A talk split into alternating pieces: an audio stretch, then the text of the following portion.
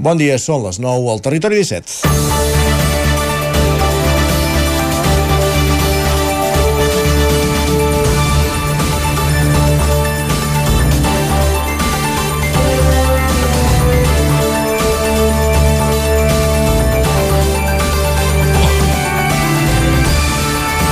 Espanya és racista, proclama un jugador de futbol negre després que li diguin mico des de la grada en un partit.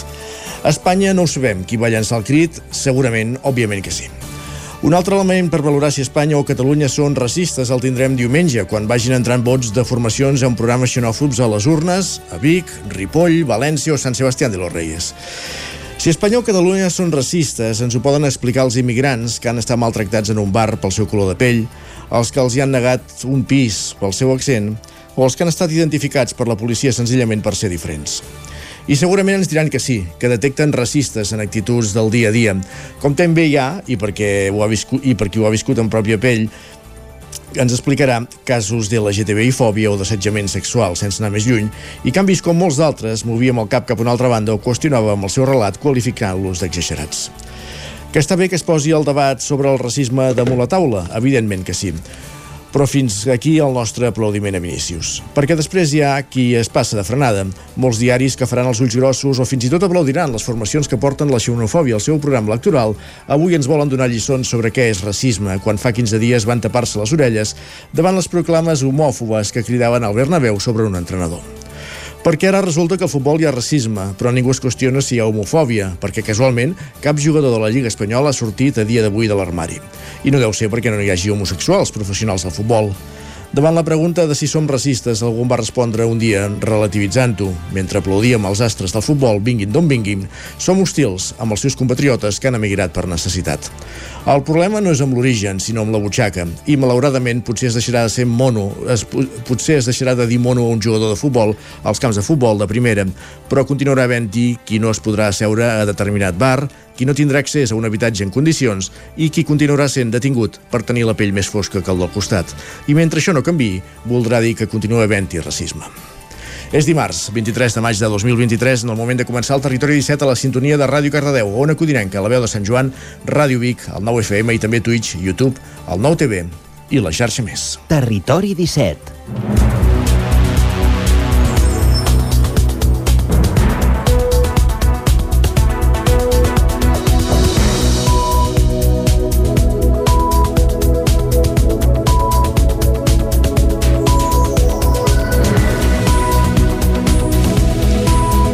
Dimarts, 23 de maig de 2023, 3 minuts que passen en aquests moments de les 9 del matí, en el moment de començar el Territori 17 a eh, la sintonia de qualsevol d'aquestes emissores que el fem possible cada dia, on acudirem que Ràdio Cardeu, la veu de Sant Joan, a Ràdio Vic, el 9 FM, ens podeu veure també a través de Twitch, YouTube, el 9 TV i la xarxa més, el Territori 17, el magazín de les comarques del Vallès Oriental, l'Osona, el Ripollès, el Moianès i el Lluçanès, que us fa companyia cada matí entre les 9 i les 11, durant dues hores. De quina manera? Doncs us ho avancem tot seguit ràpidament al sumari. Primer de tot, en aquesta primera mitja hora ens dedicarem a aprofundir en l'actualitat de les nostres comarques, les notícies del territori 17, també farem un cop d'ull al cel amb en Pep Acosta, el nostre home del temps, i anirem al quiosc amb la Clàudia Dinarès per repassar quines són les portades dels diaris del dia. A partir de dos quarts de deu pugem al tren amb l'Isaac Muntades a l'R3, a la tren d'Alba, per conèixer, per recollir les cròniques dels oferts usuaris de la línia Barcelona-Granollers-Vic, Ripoll-Puigcerdà, i a l'entrevista anirem fins a Ràdio Televisió Cardedeu per conèixer en detall un projecte que porta per títol Agafa'm i a continuació una segona entrevista avui amb en Blai Marginedes, el coordinador del Festus, el Festival d'Arts al Carrer que se celebra aquest proper cap de setmana a Torelló. Tindrem tots els detalls, com dèiem, a partir de 3 quarts de 10 amb Blai Marginedes, el seu coordinador, notícies a les 10, la previsió del temps i a l'economia i a l'espai d'economia avui amb en Joan Carles Arredondo parlarem del desabastiment de fàrmacs. És a dir, heu anat mai a una farmàcia a buscar un producte determinat que us hagin receptat o que us vagi bé per algun motiu i no n'hi hagi. D'aquesta situació en parlarem avui a l'Espai d'Economia. Ja veureu per on, ja veureu per on ho lliguem. I a partir de dos quarts d'onze del matí ens endinsem al món de Twitter primer amb en Guillem Sánchez i després al racó de pensar amb la Maria López des de Ràdio Televisió, Ràdio Televisió Cardedeu, avui parlant sobre educació, sobre feminisme i sexualitat. Aquest és el menú del Territori 17 d'aquest matí de dimarts, per tant, sense més, ens posem en dansa.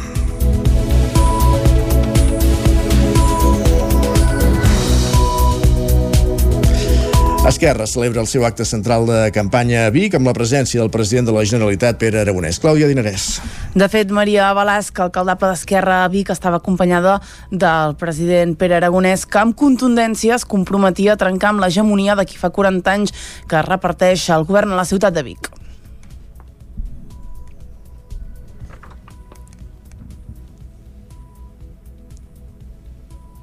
Votar Esquerra Republicana de Catalunya, a Vic i al conjunt del país perquè aquest canvi que hem començat a fer, aquest canvi que hem fet en el govern republicà a la Generalitat de Catalunya, el canvi que ha estat possible a Tarragona, a Lleida, a Manresa, a Sant Feliu de Llobregat, a Sant Cugat del Vallès, a Blanes, a Figueres, a la Seu d'Urgell i a tants altres llocs sigui possible també a Vic. En el seu Parlament, Balasc va desgranar algunes de les propostes d'un programa que diuen aposta per un Vic millor. Redefinirem la circulació de la ronda Camprodon per garantir la seguretat als ciclistes i als vehicles amb motor. I sobretot, sobretot, garantir l'accés ràpid dels serveis d'emergència. Farem un mercat municipal nou que compartirà espai amb el mercat de productes reciclats. Incrementarem la Guàrdia Urbana de proximitat, els agents cívics i els serveis de mediació. Aconseguirem el tercer CAP, perquè Vic ja necessita un tercer CAP, i remodelarem els altres caps que ho necessiten moltíssim. Amb els seus pares a primera fila, un dels moments més emotius de l'acte el protagonitzava Marta Rovira, que va intervenir a l'acte des de Suïssa, on va exiliar-se ara fa 5 anys. Visiblement emocionada, la secretària general d'Esquerra Republicana va dir que pel que pugui passar amb la causa del tsunami democràtic, encara tardarà a tornar a Catalunya. Em sembla que encara trigaré una, una mica més a tornar. Em sembla que la meva estada a Ginebra s'allarga, malauradament, doncs sabeu que hi ha aquesta causa oberta pel tsunami democràtic, una causa que fins ara estava en secret de sumari, que se suposa que hi anaven fent moltes investigacions, una causa de la qual no en tenim, jo personalment no en tinc cap mena d'informació, només llegeixo algunes de les filtracions que van apareixent als mitjans de comunicació. L'acte també va comptar amb la presència de la portaveu del partit, Marta Vilalta, i de tots els membres de la llista de Balasc. Més qüestions, en, encara en campanya electoral, però anem cap al Ripollès, coincidint amb l'Equador L'alternativa per Ripoll, volem dir CUP, es marca l'objectiu d'aconseguir el tercer regidor a l'Ajuntament de Ripoll. Isaac Muntades, des de la veu de Sant Joan. L'objectiu de l'alternativa per Ripoll CUP, tal com va anunciar el seu candidat Dani Vilaseca, és intentar aconseguir un tercer regidor al consistori ripollès. Els copaires van fer el seu acte central aquest diumenge a la tarda a la pista Esteve Badia del barri de Sant Pere, on van congregar una cinquantena de persones. Un acte que va comptar amb la participació de l'exdiputat al Parlament de Catalunya, David Fernández, i l'exregidor a l'Ajuntament de Barcelona i actual veïna de Sant Pau de Segúries, Maria José Lecha, que va parlar de la privatització de la sanitat al Ripollès. Per la seva banda, Fernández va apuntar que l'alternativa per Ripoll és la millor garantia que tot allò que facin també ho puguin aprofitar les pròximes generacions. A més a més, va dir que cal barrar el pas als partits d'extrema dreta. És un problema endèmic, ho ha sigut abans, jo crec que ara perquè l'extrema dreta de Vox ha irromput amb molta força al regne d'Espanya, però alguns volen fer oblidar que la primera irrupció de l'extrema dreta va ser l'ensurt enorme de Plataforma per Catalunya amb 67 regidors i que del verí de l'extrema dreta no està exenta ni cap cultura ni cap país i l'extrema dreta es combat sigui catalana, sigui espanyolista, eh, sigui francesa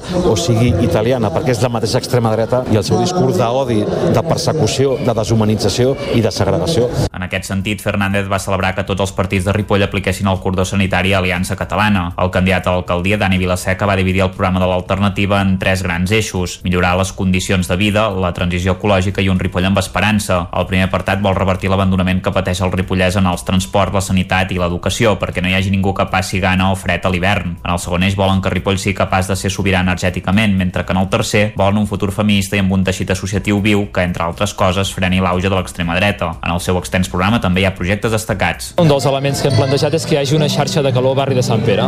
És un barri popular, un barri treballador, que evidentment moltes famílies doncs, arriben a final de mes sense poder pagar potser totes les despeses o tot lloguer, no? i per tant construir una xarxa de calor que permeti baixar els nivells de costos energètics és imprescindible per a aquest barri. I l'altre, que és un dels elements que afecta l'altre gran barri poblat de Ripoll, que és la carretera de Barcelona, que és intentar doncs, crear un teixit semblant al que pugui ser una superilla de Barcelona en el sentit de poder desviar el trànsit i que permetem doncs, esponjar aquesta, aquest barri tan poblat. El barri de la carretera Barcelona també vol volen millorar la transició energètica i fer-hi més espais verds. Al barri vell volen continuar rehabilitant pisos i destinar-los a lloguer social amb un preu assequible, ja que fa 12 anys que no es construeixen habitatges públics al municipi. Més actes copaires, en aquest, cap de, en aquest cas de la CUP de Trolló, que celebrava aquest cap de setmana el seu acte central de campanya, Clàudia. Ho van fer en format vermut als Jardins Vicenç Pujol amb la voluntat d'estar a prop de les persones, com diu el seu lema. Maria Àngels Casals és la candidata de la CUP a l'alcaldia de Torelló. Que no volem fer política per les persones ni per, ni per Torelló, sinó que volem fer política amb les persones, amb Torelló. Necessitem que la gent participi, necessitem que ens dongueu idees, necessitem que la gent vingui a treballar amb nosaltres perquè realment entre tots farem aquest municipi, aquest Torelló, més sostenible i més igualitari, que és en definitiva el que volem. Si els resultats han anat bé, doncs us, us demanarem que ens ajudeu a fer aquest Torelló i si no, també perquè realment encara que estiguem a l'oposició continuarem treballant per fer aquest Torelló millor que nosaltres desitgem.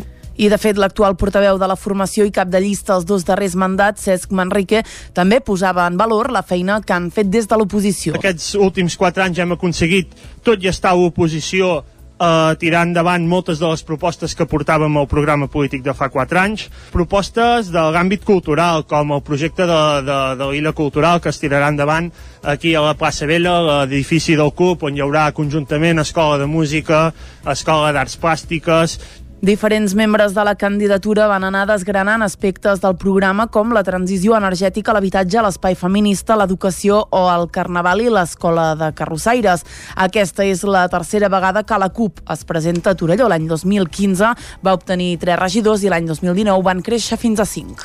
Més qüestions, encara en campanya electoral, el grup municipal d'Esquerra Sant Feliu de Codines, encapçalat per l'actual alcaldessa Mercè Serratacó, celebra el seu acte central de campanya també, en què es desgranen les diverses propostes del programa electoral.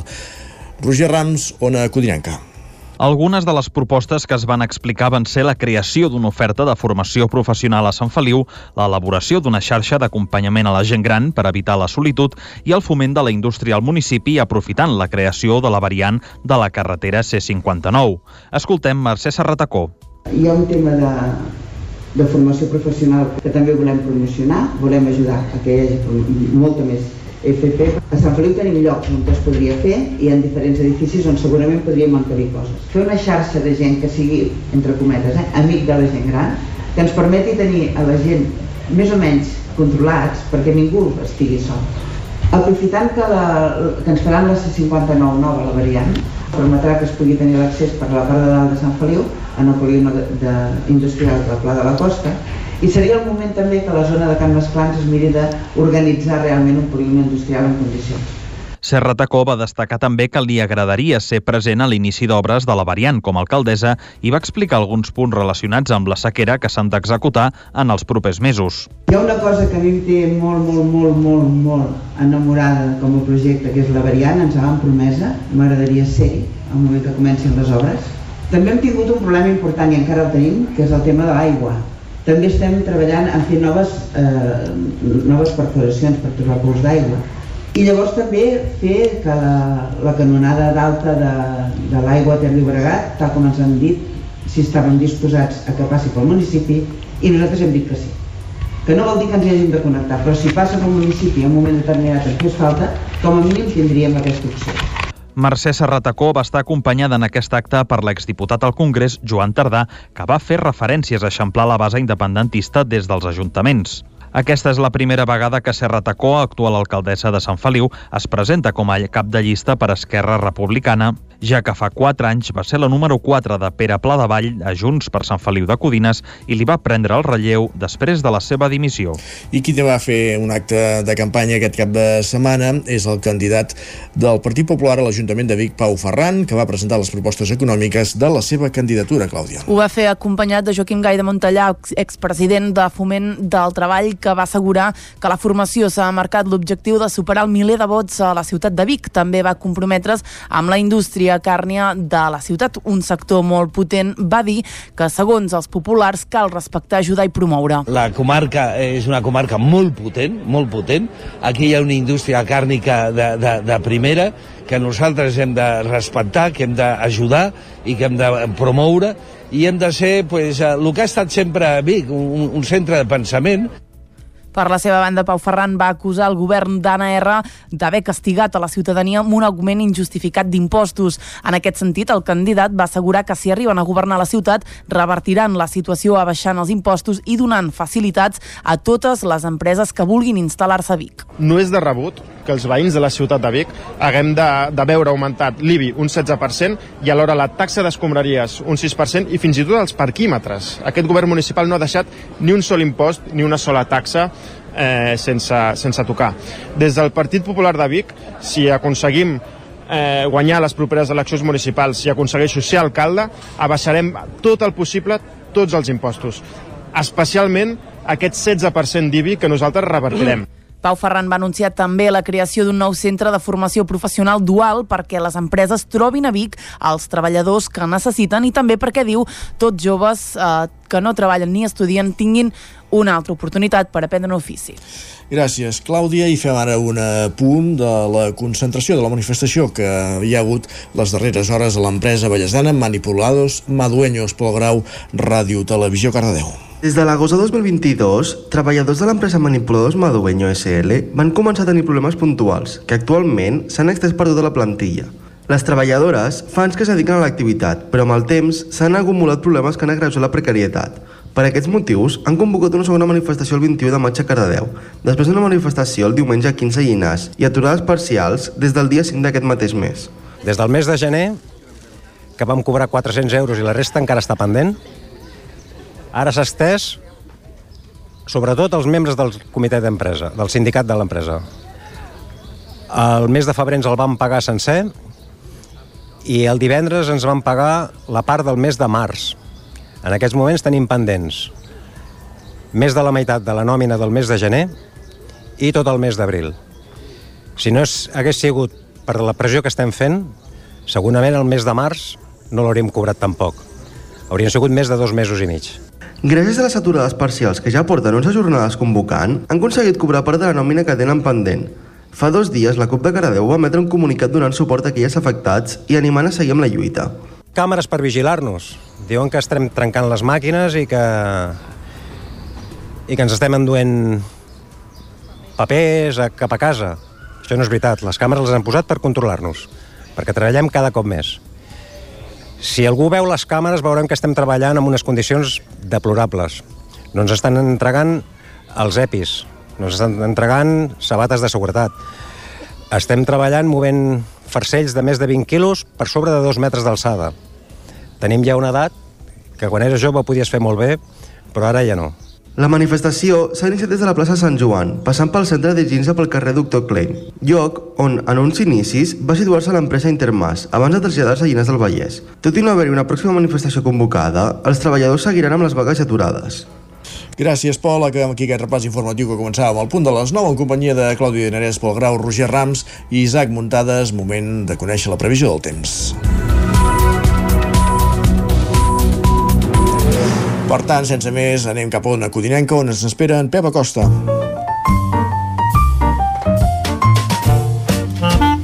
Casa Terradellos us ofereix el temps. Pep, explica'ns el temps de les últimes hores i cap on anirà avui, cap on evolucionarà meteorològicament parlant. El dia, Pep, benvingut, bon dia. Hola, molt bon dia. Com estàs? Ja estem aquí, a l'espai del temps. Un temps interessant, eh? Un mes de maig molt interessant.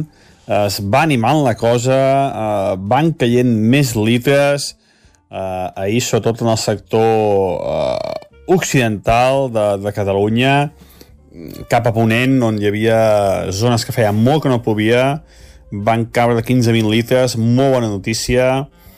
A les nostres comarques eh, hi va haver algun patac d'aigua local, eh, entre 10 i 15 litres a moltes zones, però clar, no són pluges allò, diguem, generals, eh, quantioses, eh, però bueno, va fent aquí, va fent allà, són, són bones notícies, eh? bones notícies, però ens falta això, una mica de puja general que, que, que duri hores i que, i que, i que alimenti el subsol, que alimenti els pantans, eh, però bueno, millor això que està fent tots aquests dies que no pas que faci una onada de calor com teníem fa, fa un any.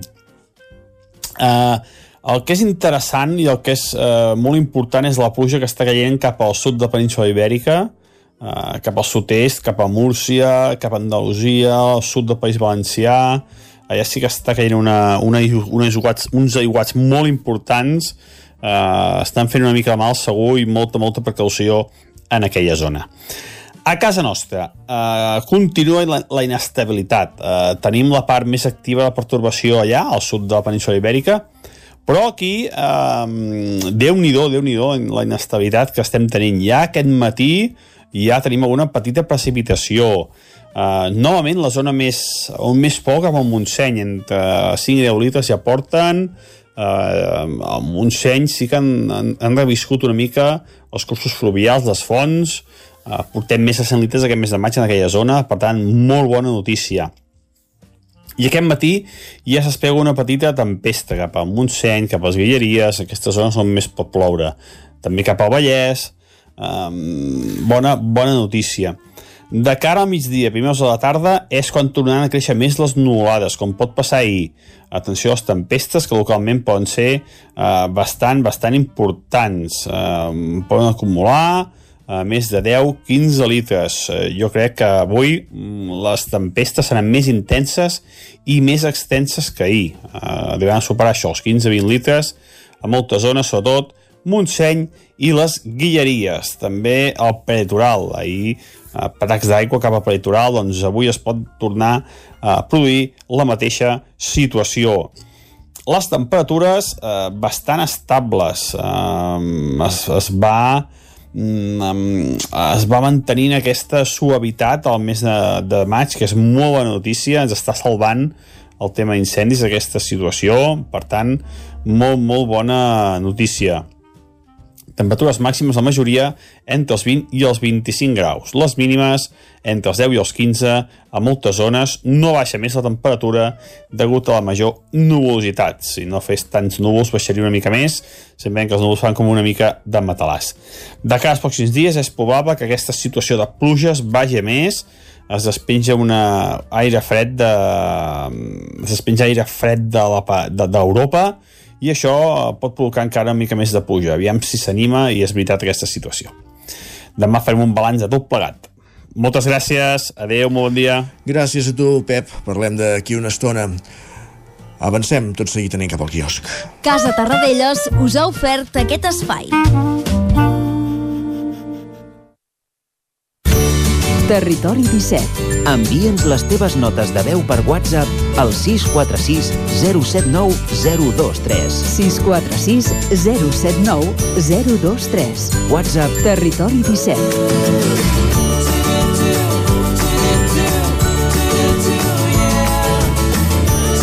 Territori 17. Som a Facebook, Twitter i Instagram amb l'usuari Territori 17. Doncs moment d'anar cap al quios, moment de saber quines són les portades dels diaris del dia. Clàudia Dinés, benvinguda de nou. Oh, bon dia de nou, què tal? Per on comencem? Comencem per Barcelona, comencem per el punt avui que diu el menjar no es llença, és el titular de l'edició d'aquest dimarts. El govern edita una guia per revertir el malbaratament alimentari als menjadors escolars. Es calcula que un menjador de 500 comensals desaprofita alerta 7 tones de menjar cada any. déu nhi el protagonista del punt avui és Elton John, que diu adeu a Barcelona. El cantant britànic omple el Palau Sant Jordi, on avui oferirà un segon concert. Tot això, diu, dins d'una intensa setmana musical a Montjuïc, on, eh, recordem, demà actuarà Coldplay.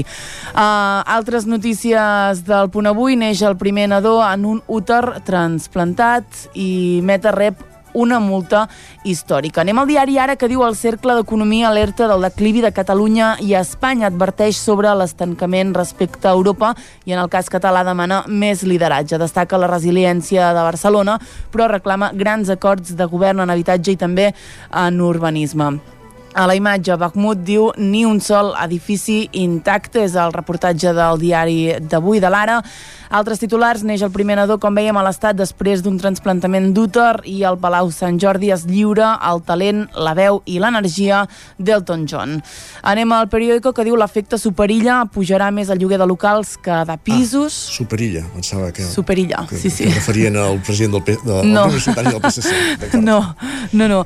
A la imatge del periòdico diu conscient de patir Alzheimer precoç. Diu, em va caure al món, tinc tres fills i la vida segueix. Diu Montse Torruella, una persona diagnosticada als 57 anys uh, d'Alzheimer. Uh, altres titulars, uh, mercenaris russos d'Ucraïna ocupen dues ciutats a la frontera i el cercle recapta un consens i una gestió política més eficaços. Anem a l'avantguàrdia que diu el cercle d'economia avisa d'un empobriment respecte a Europa. A la imatge hi veiem en Jesús, que com dèiem és el primer nadó uh, d'un úter transplantat i ara veurem a Vinícius a totes les portades espanyoles. Això sí, Madrid és, el tema, Exacte, és el temazo, per dir-ho d'alguna manera.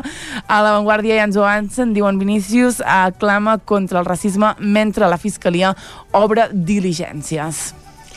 Doncs va, anem a veure les portades a Madrid. Anem cap a Madrid, eh, anem al país que diu els insults a Vinícius posen el focus en la tolerància el racisme, aquí ja és un dels titulars eh, destacats de l'edició, el Mundo eh, no hi veiem a Vinícius, eh, diu al final del sanchisme, comença aquí, dos punts, Feijó estarà a les portes de la Moncloa. Perdoneu, sí que hi veiem a Vinícius, eh? m'he equivocat. Eh, diu Espanya aplica les sancions més lleus per racisme i de fet apareix inclús amb una imatge, per tant fatal.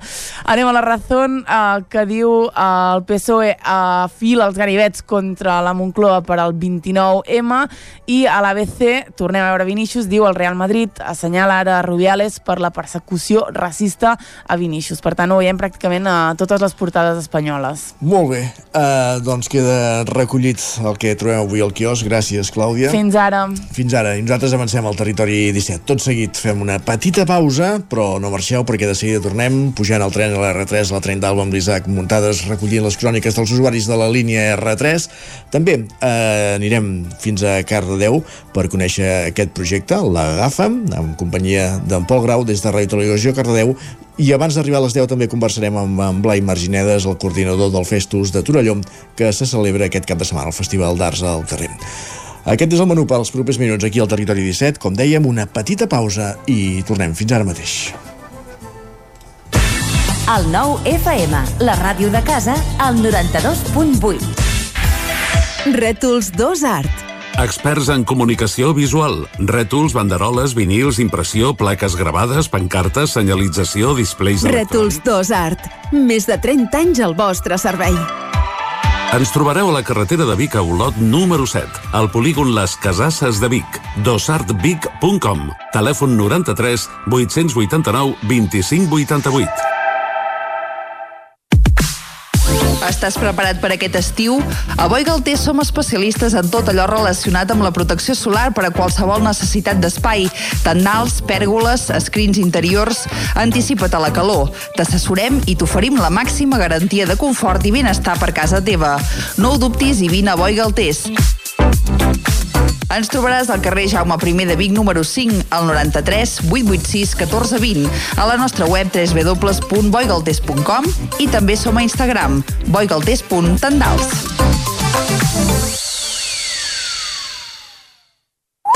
Per moure't, lloga un cotxe ALR. Per moure la família, lloga un minibús ALR. Per moure coses, lloga una furgoneta ALR. Per moure la casa, lloga un camió ALR. Lloguer de cotxes, furgonetes i camions ALR. Ens trobaràs al carrer Francesc Sant Climent 83 de Vic i també a Olot i Manresa. Informa't en el 93 888 60 57 o bé consulta el web alr.cat. Quan tingui un problema amb la seva caldera, vagi directament a la solució. Truqui sempre al servei tècnic oficial de Saunier Duval i despreocupis, perquè som fabricants i coneixem les nostres calderes peça a peça. I ara aconseguiu fins a 250 euros en canviar la caldera. Informeu-vos al 910 77 10 50 o a saunierduval.es. Ser a prop vol dir veure les coses més bé. Apropa't al que t'interessa amb la xarxa Més. la teva plataforma audiovisual de qualitat, proximitat i gratuïta. Gaudeix dels continguts de més de 30 televisions locals i podcast quan, com i on tu vulguis. Entra a la xarxa més.cat i descarrega't l'app. Cocodril Club. Si t'agrada la bona música dels anys 60, 70 i 80, escolta el 9 FM els matins de dissabtes i diumenges d'11 a 1. És el temps del Cocodril Club, tot un clàssic de la ràdio, amb les bases del pop-rock, les llegendes, les cançons que s'han convertit en autèntics himnes. Recorda, dissabtes i diumenges al matí, d'11 a 1, al 9 FM 92.8. Cocodril Club, el programa revival de l'Albert Malla. Hasta luego, Anuncia't al 9FM. La màquina de casa. 9 3 8 8 9 4 9 4 9. Publicitat arroba al 9FM.cat. Anuncia't al 9FM. La publicitat més eficaç. Territori 17.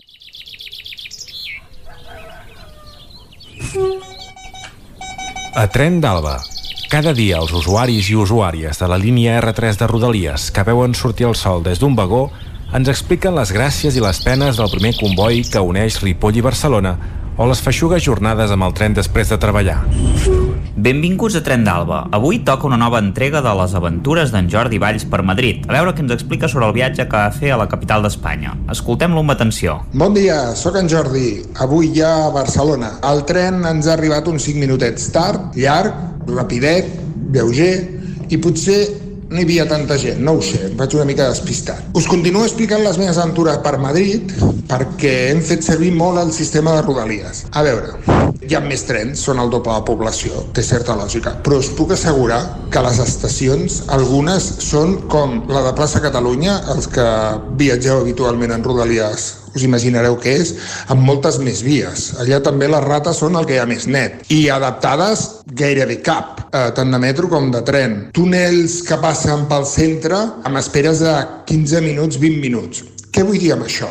No és per dir, ai, pobres madrilenys, que no, que cada uno se espavile con lo suyo, sinó que realment els governs de l'estat espanyol, que són els amos d'Adif i de Renfe, o sigui, de les vies i dels trens, no creuen en el transport públic, no creuen en el tren, no creuen en que un centre d'una ciutat, tant Barcelona, Madrid com no sé quina, passés un tren cada 5 minuts i fes el servei de, de metro. Amb el sistema ferroviari no es creu, no s'aposta i no s'inverteixen diners. Ah, i els que pensen en el traspàs. Jo li he anat donant voltes amb això, a mi que em traspassin les vies. I després ja em traspassaran el servei, perquè si no estarem igual. Si les vies no estan bé, els trens no van bé. Mm, no sé, mm, vinc d'il·luminat ferroviari amb aquests dies tan intensos de tren, però, si us plau, senyores, que manden en Adif i Renfe. Els de Rodalies, pobrets, posen el cartellet, els horaris i poca cosa més. Ay, queixar-se. Por favor, inviertan en el tren, porque las carreteras se colapsan. Y los trenes, pues cada tres minutos puede pasar uno y cabe mucha gente. ¿Lo entienden? Y los que vamos con bonos, pues lo agradecemos, que no nos gusta coger el coche. I també el tema mediambiental. Res més, no us atabalo més. Vinga, bona setmana i endavant. Adéu-siau. El traspàs de Rodalies a la Generalitat per part de l'Estat jo crec que es demana abans que jo nasqués. Per tant, és una reivindicació del segle i mil·lenni passats. Però, com diu en Jordi, primer que traspassin les infraestructures i després el servei, ja que hi ha molts retards o incidències que són provocades per un mal estat de les vies, la deterioració de les catenàries o perquè encara no s'ha fet el desdoblament que tocava.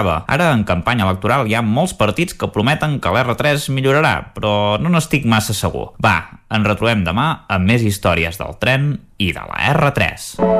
Territori 17, el 9 FM, la veu de Sant Joan, Ona Codinenca, Ràdio Cardedeu, Territori 17. Passen 3 minuts de dos quarts de 10 del matí.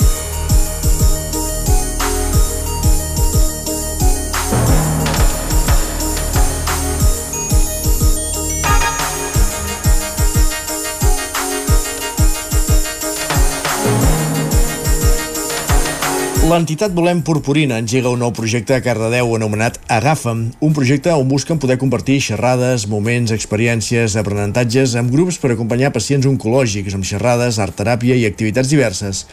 I avui, per parlar d'aquesta qüestió, d'aquest projecte, de l'Agafa'm, ens acompanyen als estudis de Ràdio Televisió Cardedeu l'Ariadna de Volem Purpurina i la Mireia d'Agafa'm.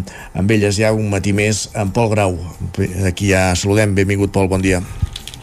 Bon dia, Isaac. Bon dia. Escolta, bon dia. Doncs sí, avui aquí al meu costat s'acompanya l'Ariadna i la Mireia, que tenim problemes tècnics que no, ens, no acaben d'escoltar a tu, amb aquest, on l'Ariadna i la Mireia inicien aquest nou projecte, l'Ariadna de Volem Purpurina i la Mireia d'Agafa'm. Bon dia, com esteu? Bon dia. Bon dia. Uh, per començar, no sé com sorgeix un projecte com aquest, el de Volem Purpurina, i a part de la branca de Volem Purpurina surt Agafa'm, d'on sorgeix l'inici d'aquest projecte així? Eh, Volem Purpurina eh, va néixer el 2017, quan jo vaig posar-me malalta de càncer, i amb les meves amigues de tota la vida eh, vam dir eh, que què podíem fer per recaudar fons per, eh, per investigar per aquesta malaltia. I llavors vam decidir apuntar-nos a, a una acció solidària, que és la Magic Line de Sant Joan de Déu, i, bueno, i vam participar en aquesta, en aquesta edició. I després, amb l'experiència, vam, vam valorar que ens agradaven fer aquestes coses i que cada any podíem fer una acció solidària per, per recaudar diners per diferents accions. I llavors, bueno, ho vam decidir i cada any fèiem una calçotada solidària i una caminada solidària que anava, aquests diners que recollíem amb la calçotada i amb la caminada, anàvem mm, per diferents eh, entitats.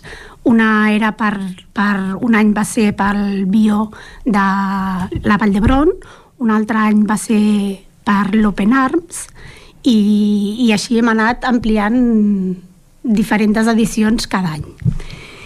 I l'associació Volem Purpurina eh, és una associació que, que dedica eh, a causa, que està dedicada a causes sanitàries i socials. I de Volem Purpurina sorgeix aquest nou projecte Agafa'm. Com us va, Correcte. com va sortir? Doncs Agafa'm va sorgir de bueno, doncs un retrobament entre jo, jo i l'Ariadna. Doncs a mi el 2021 van detectar un càncer de pit i bueno, ens vam retrobar per Cardedeu i bueno, com veiem que a Cardedeu no hi havia cap associació eh, contra el càncer ni que pogués ajudar a pacients oncològics, doncs vam decidir doncs, posar-hi nosaltres el granet de sorra que falta a Cardedeu. No? I bueno, Agafa'm és un projecte que surt de l'associació Volem Purpurina, que desenvolupa activitats amb l'objectiu d'acompanyar els pacients oncològics en el seu procés de la malaltia. I doncs aquí doncs, agafam, eh, doncs fa això, doncs, accions eh, per recollir fons, eh, solidaris, que després seguidament donem doncs, per la investigació, no? que normalment aquestes donacions les fem a l'UVHO de Barcelona, que és un, de la Vall d'Hebron, doncs, bueno, doncs, científics investiguen per la malaltia, bàsicament.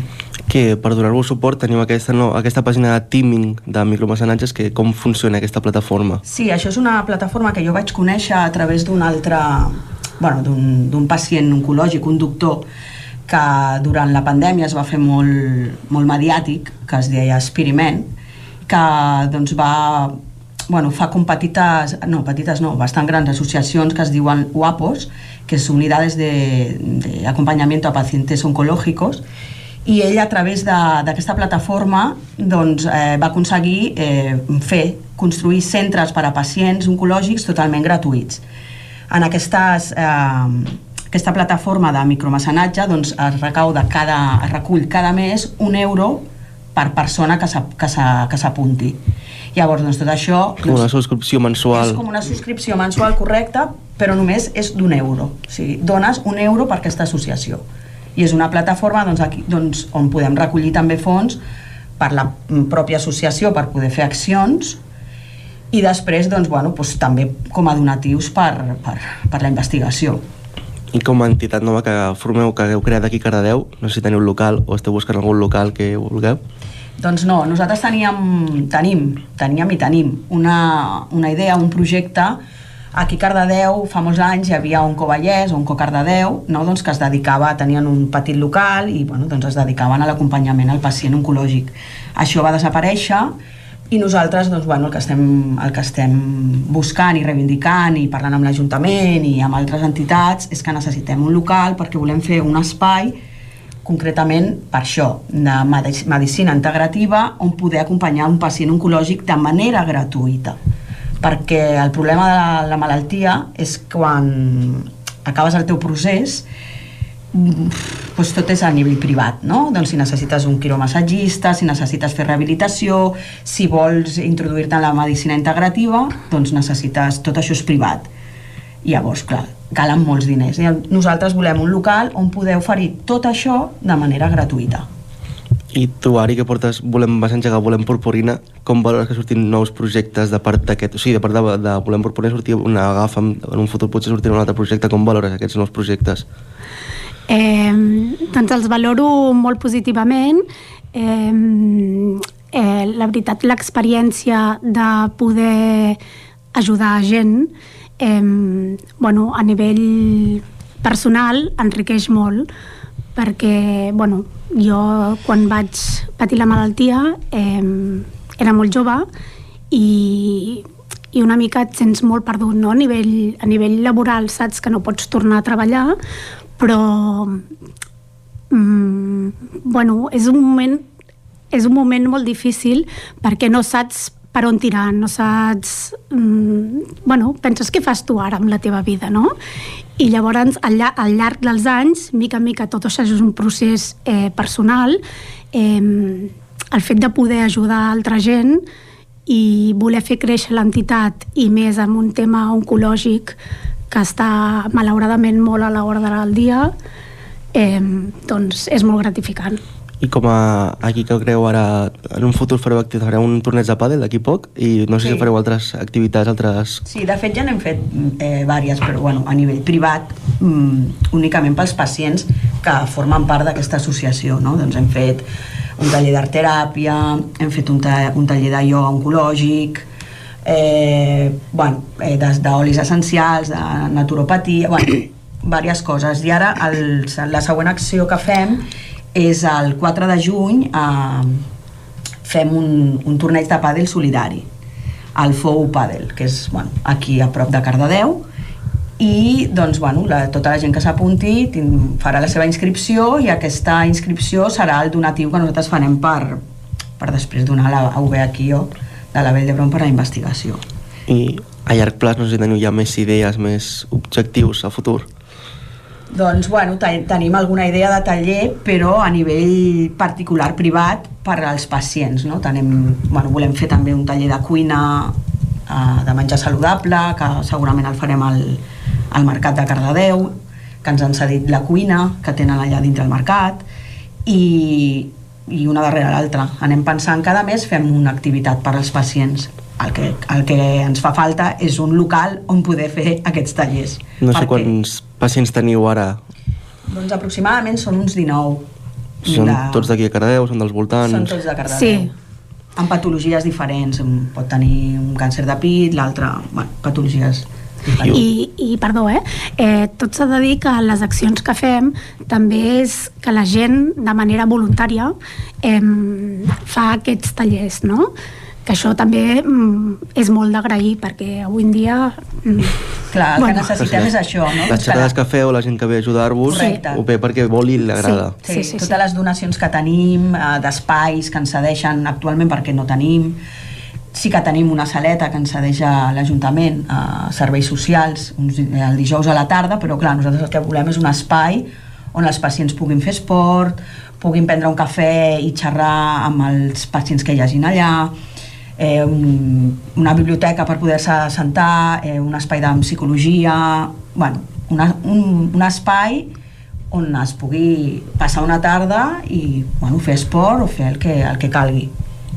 No sé si teniu ja, o sigui, teniu ja eh, pensat, si en un futur, si teniu un local, teniu pensat on us voleu col·locar, on us voleu posar més o menys, no sé. No, no, no, a l'espai és indiferent, simplement necessitem un espai cedit sigui a nivell municipal o a nivell privat. Que és, és complicat buscar un és local... És molt complicat. Eh, bueno, és la part més difícil. Amb és la entitat, com a entitat difícil. nova que acaba de sorgir, que acaba de començar, és, és complicat trobar sí, un... aquí és on ens hem trobat el, el problema gran. stop. Aquí mm, bueno, no hi ha suficients espais per, a nivell municipal perquè ens puguin, ens puguin deixar. Doncs, Isaac, doncs, si vols acabar aquí l'entrevista tu... Gràcies, ens gràcies escoltes? Pol, sí, perfectament. Eh, hem deixat que, que anessis conduint l'entrevista perquè hem vist que teníem dificultats per, per escoltar-nos tots, per sentir-nos tots i hem preferit, eh, que per millorar la, la comunicació, doncs que, que féssiu l'entrevista des de Cardeu. Gràcies a tots tres per acompanyar-nos un matí, aquest matí. A tu, Isaac, fins, fins ara. Moltes gràcies. Bon dia. Adéu. Nosaltres que avancem al territori 17 hem conversat d'aquesta iniciativa que, que hi ha a Cardedeu i el que fem tot seguit és continuar amb més projectes. Ara un festival, ara parlem d'un festival de música, el Festus, de música no, i de moltes altres coses, el Festival d'Arts al carrer de Torelló, que se celebra aquest proper cap de setmana.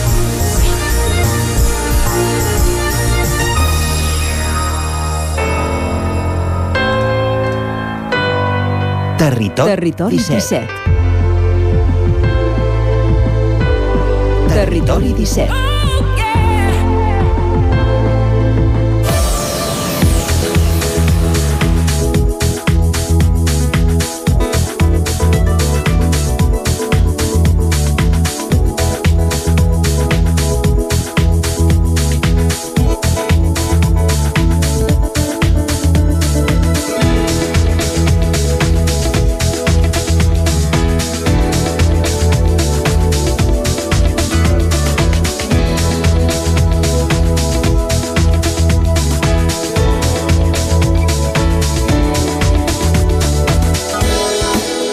Una vintena de propostes de múltiples disciplines pensades per la seva qualitat i possibilitat de ser ben ubicades en carrers, parcs, racons i places de Torelló conformen la nova la 26a edició del Festival Festus que se celebra aquest cap de setmana els dies 26 i 27 de maig, divendres i dissabte.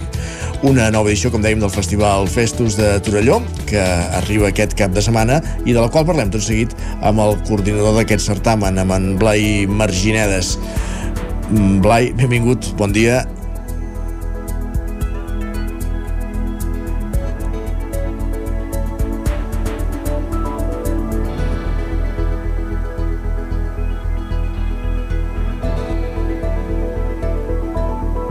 Blai, ets aquí? No t'arribem a veure, però, però tampoc et sentim, eh?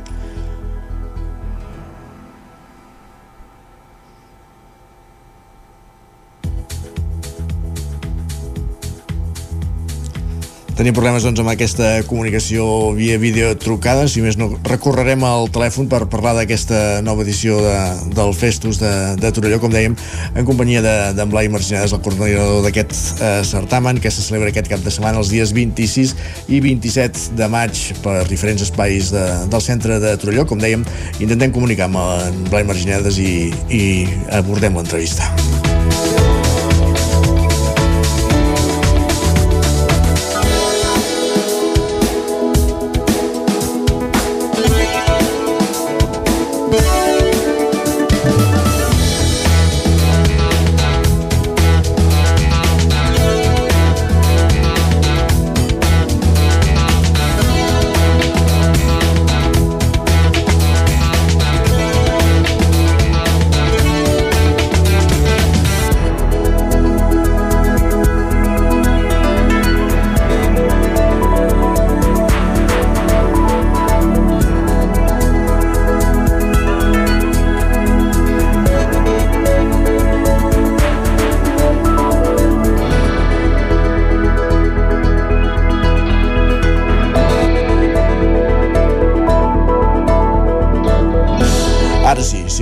Telèfon sempre és el recurs que ens acaba donant l'opció de poder parlar amb qui tenim a distància. En aquest cas, com dèiem, amb Blai Marginades, el coordinador del Festus de Torelló, que se celebra aquest cap de setmana. Blai, benvingut, bon dia, ara sí.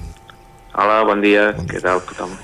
Uh, aquest Festus de Torelló, que com dèiem arriba aquest cap de setmana, divendres i dissabte, a la 26a uh, edició, uh, inicialment ens presenteu aquest festival com una reflexió sobre el temps. Ja entrarem ara amb el contingut del programa, però primer de tot volíem que ens expliquéssiu exactament que, que, en quin aspecte, diguéssim, es fa aquesta reflexió sobre el temps. Bé, amb l'aspecte de, de, com, de com destinem el nostre temps d'oci, no? També eh, el Festus vol ser un festival eh, proper, eh, i que poder destinar el temps a això, no? amb propostes en viu, amb una altra manera de relacionar-nos amb, amb, amb els amics, amb, amb com veiem els espectacles, i d'una manera pausada i descobrint tot el que hi ha eh, en, no? en els diferents espais on, on succeeix el festival. Llavors, una mica la reflexió venia aquí, tot i que, diguéssim que el germen de tot eh, són les propostes d'arts visuals, no? que reflexionen a través del llibre Momo i el temps, um, doncs una mica sobre aquest temps uh, no capitalitzat, no? Uh, I a partir d'aquí, doncs bé, hi ha les quatre propostes de d'arts visuals que clarament uh, segueixen aquesta línia, però també n'hi ha d'altres que d'alguna manera o altra um, toquen elements que, que són propers a, a, aquest llibre, no?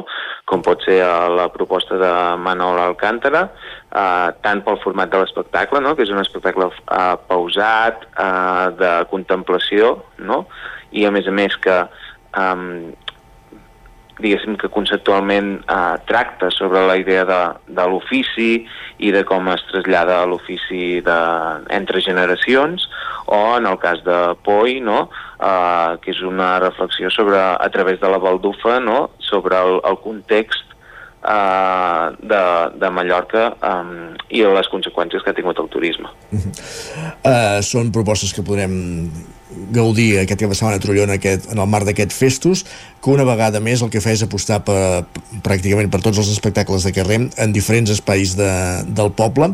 Veiem que aquest any es recuperen espais nous pel festival, com pot ser el parc de, de la Ronda de les Pollencredes o, o altres espais ja consolidats, com per exemple la música tots els jardins de, de Camp Parrell, els jardins Vicenç Pujol o dansa i circ a les places Nova i Vella, entre d'altres espais de, de Trolló. Una mica és aquesta, eh? La gent deixar-se portar, anar caminant pel centre del poble i deixar-se portar i trobar espectacles.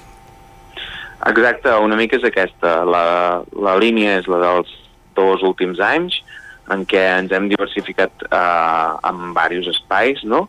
I, I la idea és aquesta. Sabem que el nostre públic eh, ve a sorprendre's, ve a, a descobrir coses noves, molt sovint doncs, eh, no coneixen la majoria de, de propostes que portem, però això no implica que no, no en puguin gaudir no? i que es deixin sorprendre eh, per les diferents propostes que, que, que aniran trobant. Aquest any, com dius, hi han dos espais que, si més no en els darrers anys no havíem utilitzat. Un és la, els Jardins de la Carrera, on hi haurà la proposta de llum de la companyia Llum de Fideu, Esfumato, que és un site específic, i tota la part de dansa de dissabte que la concentrarem al, al Parc eh, Municipal de la Ronda de les Pollenqueredes.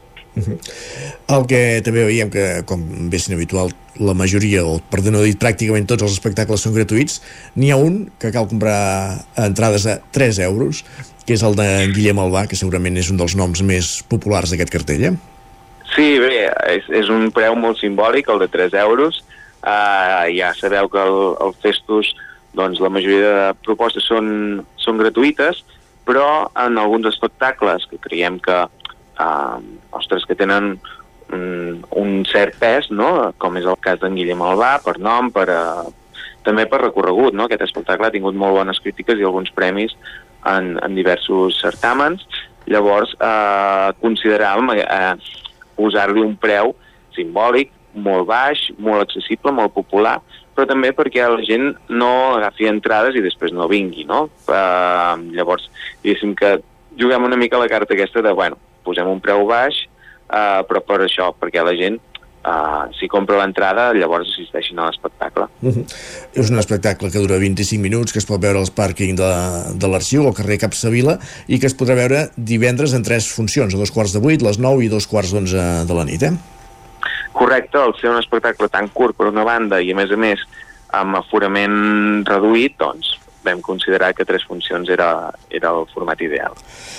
Uh, ara m'estava mirant el, la programació al web sí que en el cas d'en Guillem Albà és l'única que hi ha l'inscripció, que hi ha entrades. Hi ha altres espectacles que veiem que es recomana anar amb invitacions, que també es poden tramitar, entenc, a través de, de la mateixa pàgina web.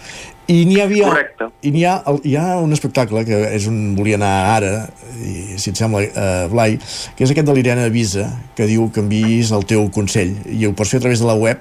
També dius una pestanya que diu la conselleria, perquè és l'espectacle en si, que, que accepta consells aquesta noia. Com funciona aquest espectacle? O Correcte. És una proposta de l'Irene Visa, és una proposta d'arts visuals eh, que bàsicament el que ens proposa és recuperar tots els consells aquests del passat, no? aquests consells de, per una banda, consells que poden ser els típics consells de les àvies, no? com es diu popularment, però també altres consells de cultura popular. Uh, de fet, ha fet uns cartells que en un era un consell, diguéssim, de disseny gràfic de no utilitzar més de tres tipografies en un cartell, o en un altre de no escriure el teu ex, o no trucar al teu ex Uh -huh. en una nit, a mitjanit. Llavors, um, bueno, són aquest tipus de consells, no?, um, molt populars els, els que estem buscant una mica, no? I que de tot això acabarà desembocant en un fanzine que es podrà, que imprimirà i, i diguéssim, elaborarà en directe durant el, el, durant el matí del dissabte. Uh -huh. Llavors hi haurà, diguéssim, la conselleria en, en físic, en, en l'espai del vermut del Festus, i allà es podran recollir aquests fanzines o donar més consells, perquè com que el fanzin s'anirà elaborant en directe, doncs diguéssim que cada un anirà incorporant els consells que hagi anat recollint, ja sigui a través del web, ja sigui a través d'Instagram, ja sigui a través d'amics, ja sigui en in situ al, a l'espai. Això serà als Jardins de, de Camp Parrella, com bé deies, dissabte entre les 11 i les 2 de, del matí. I molt a prop d'allà veiem un concert... Eh, em crida l'atenció perquè diria que és nou, un concert de l'Escola Municipal de Música, dissabte al matí també. Eh, està bé implicar, evidentment, serveis i, i entitats del poble al Festus. També és una, és una cosa que porta el seu ADN, també. eh? Sí, sí. Um, bé, al, al final és una mica um, buscar aquestes aliances, no? Um, amb l'Escola d'Arts Plàstiques és amb, és amb, és amb, amb l'entitat amb qui portem més temps treballant i de fet són uh, coorganitzadors del Festus, amb, sobretot a, a través de tota la part d'arts visuals, um, i amb l'Escola de Música això, comencem aquest, uh, aquest primer encontre en aquest cas amb, amb la proposta dels quatre elements que es podrà veure el, el dissabte al matí i a partir d'aquí veurem com es va, com va evolucionant la cosa. També és cert que aquest any no, però l'any passat vam començar el projecte de cactus, que esperem poder-lo recuperar l'any que ve, i aquest any ens l'hem deixat en, en Guaret, amb, amb el batxillerat artístic de Torelló. Però, com dius, el Festus doncs, té aquesta voluntat d'estar treballant amb, amb entitats o grups locals per tal de, de, de sumar esforços, no? de, de ser més i de, de diversificar també les, les mirades i les propostes que ens fan des de, des de diferents entitats i organitzacions del municipi. Perfecte. Què més no ens podem perdre d'aquest festus? Eh, La idea és deixar-nos portar. Hem dit alguns noms, però n'hi ha molts més, fins a una, una vintena llarga. Per tant, què, què no ens podem perdre? Bé, a nivell musical, que potser no n'hem parlat tant, més enllà de l'escola de música, òbviament un dels plats forts són els Delta Sleep, una banda britànica, eh, que no és el primer cop que toquen a Torelló, eh, que ho van fer una vegada amb, amb un festival organitzat per la, per la Vàlvula, i, i això, aquest cop tornen a, a Torelló eh, amb un escenari que diguéssim que no, i amb un entorn no tan autogestionat, sinó més, més eh, com a festival eh, professional, Uh -huh. però que, que això, que diguéssim que el, aquell germen doncs, ha acabat desembocant en aquest concert. Uh, també destacar el, Deixa'm dir que la serà, participació serà dissabte a de, 3 quarts de 12 de la nit, eh? El de Delta Sleep, dissabte a 3 quarts de 12 a Camp Parrella. Correcte. Um, això i la participació de- d'artistes de, de proximitat, com poden ser els Flying Pygmies, amb la, la proposta de Cirque Endangered, uh, una mica el debut, si més no a Torelló, del, de la torellonenca Helena Costa amb el, amb el seu projecte Chen de Curlis, una proposta de rock soul clàssic però molt ben, molt ben executat, i eh, o l'Àngel Duran, que presentarà en, en primícia no?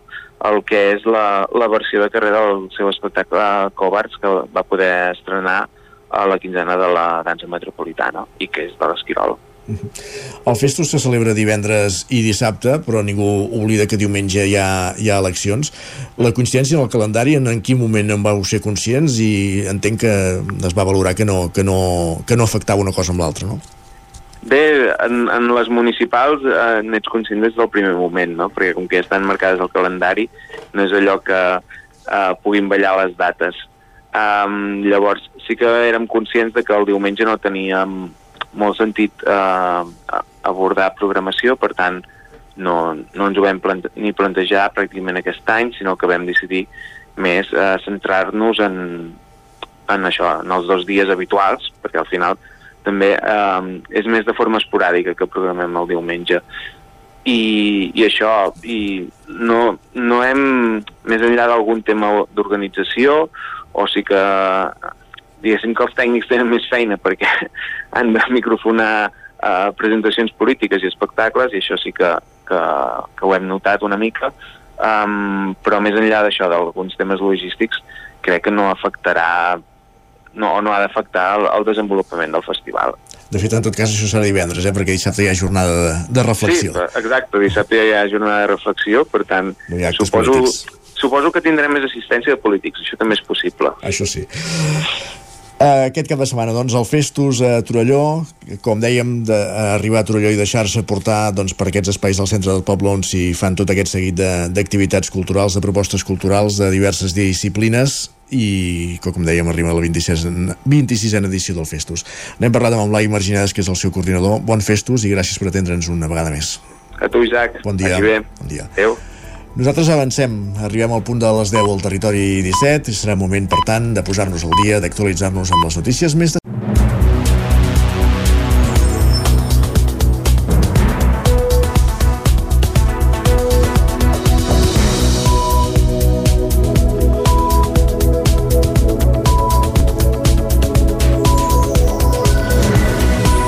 d'actualitzar-nos, moment de posar-nos al dia amb les notícies més destacades de les nostres comarques, les comarques del Vallès Oriental, l'Osona, el Ripollès, el Moianès i el Lluçanès. Informatiu ara a les 10 que fem en connexió amb les diferents emissores que dia a dia fan possible aquest programa, una codinenca Ràdio Cardedeu, la veu de Sant Joan, Ràdio Vic, el 9 FM i ens podeu veure també a través de Twitch, YouTube, el 9 TV i la xarxa més. El casal Francesc Macià de Centelles va acollir divendres el debat electoral. Els candidats dels cinc partits que s'hi presenten, PSC, Esquerra, Junts, Centelles per la República i l'Impuls, van exposar les propostes que tenen pels propers quatre anys. Clàudia Dinarès. Unes 200 persones van seguir en directe l'acte organitzat pel Nou TV des del casal. Un dels punts que va portar més controvèrsia va ser la participació, la comunicació i la transparència. A Centelles hi havia ganes de debat. Es va fer evident amb les 200 persones, com dèiem, que van seguir en directe l'acte que organitzava el Nou TV des del canal Francesc Macià, també amb el nivell i el to de les intervencions de totes les candidates i candidates. Van poder sentir paraules incisives, però també moltes propostes. Un dels punts que va portar més controvèrsia va ser la participació, la comunicació i la transparència. Josep Paré és el candidat del PSC a l'alcaldia. Si analitzem les dades de, de comunicació actuals, doncs es veu com s'ha avançat. Molts de vostès ens ho diuen que es nota un canvi i, per tant, doncs, eh, evidentment, un equip més jove, un equip més compromès amb la, amb la comunicació, doncs això s'està traslladant amb l'activitat pública eh, a les xarxes, a la pròpia web. Qui no estava gens d'acord amb l'actual alcalde era Margot Prims, número 2 d'Esquerra Republicana, i Carme Sayós, candidata de Junts. Ha de ser real i directe. No ens valen enquestes, qüestionaris i cosetes cutres que no serveixen per res. Nosaltres hem participat en el, en el procés participatiu, en el pseudoprocés participatiu del Palau dels Comtes. Estava tot dat i beneït. La participació a Centelles és nefasta. No parli de proximitat perquè vostè a l'oposició ni aigua. Si tots demanem transparència i, i una participació ciutadana més, més oberta i per tant que sigui real però, però no induïda, si tots ho demanem vol dir que hi és. Per tant, diguéssim, espero que, que n'agafi també una, almenys el guà i en la mateixa línia es queixaven Úrsula Serra de l'Arca, candidata de Centelles per la República, i Carla Ferrer, candidata de l'Impuls. El que s'ha aprovat en aquest Ajuntament per nosaltres no val res. No es pot... Legalment és legal, o sigui, té els mínims legals a demanar. El que no pot ser és que qualsevol centellenc o centellenca per poder arribar a una moció al ple de l'Ajuntament hagi de demanar 1.000 signatures, més del 10% del cens. Estem d'acord que cal abordar el pla de participació ciutadana. Uh, crec que és un document base que es pot ampliar.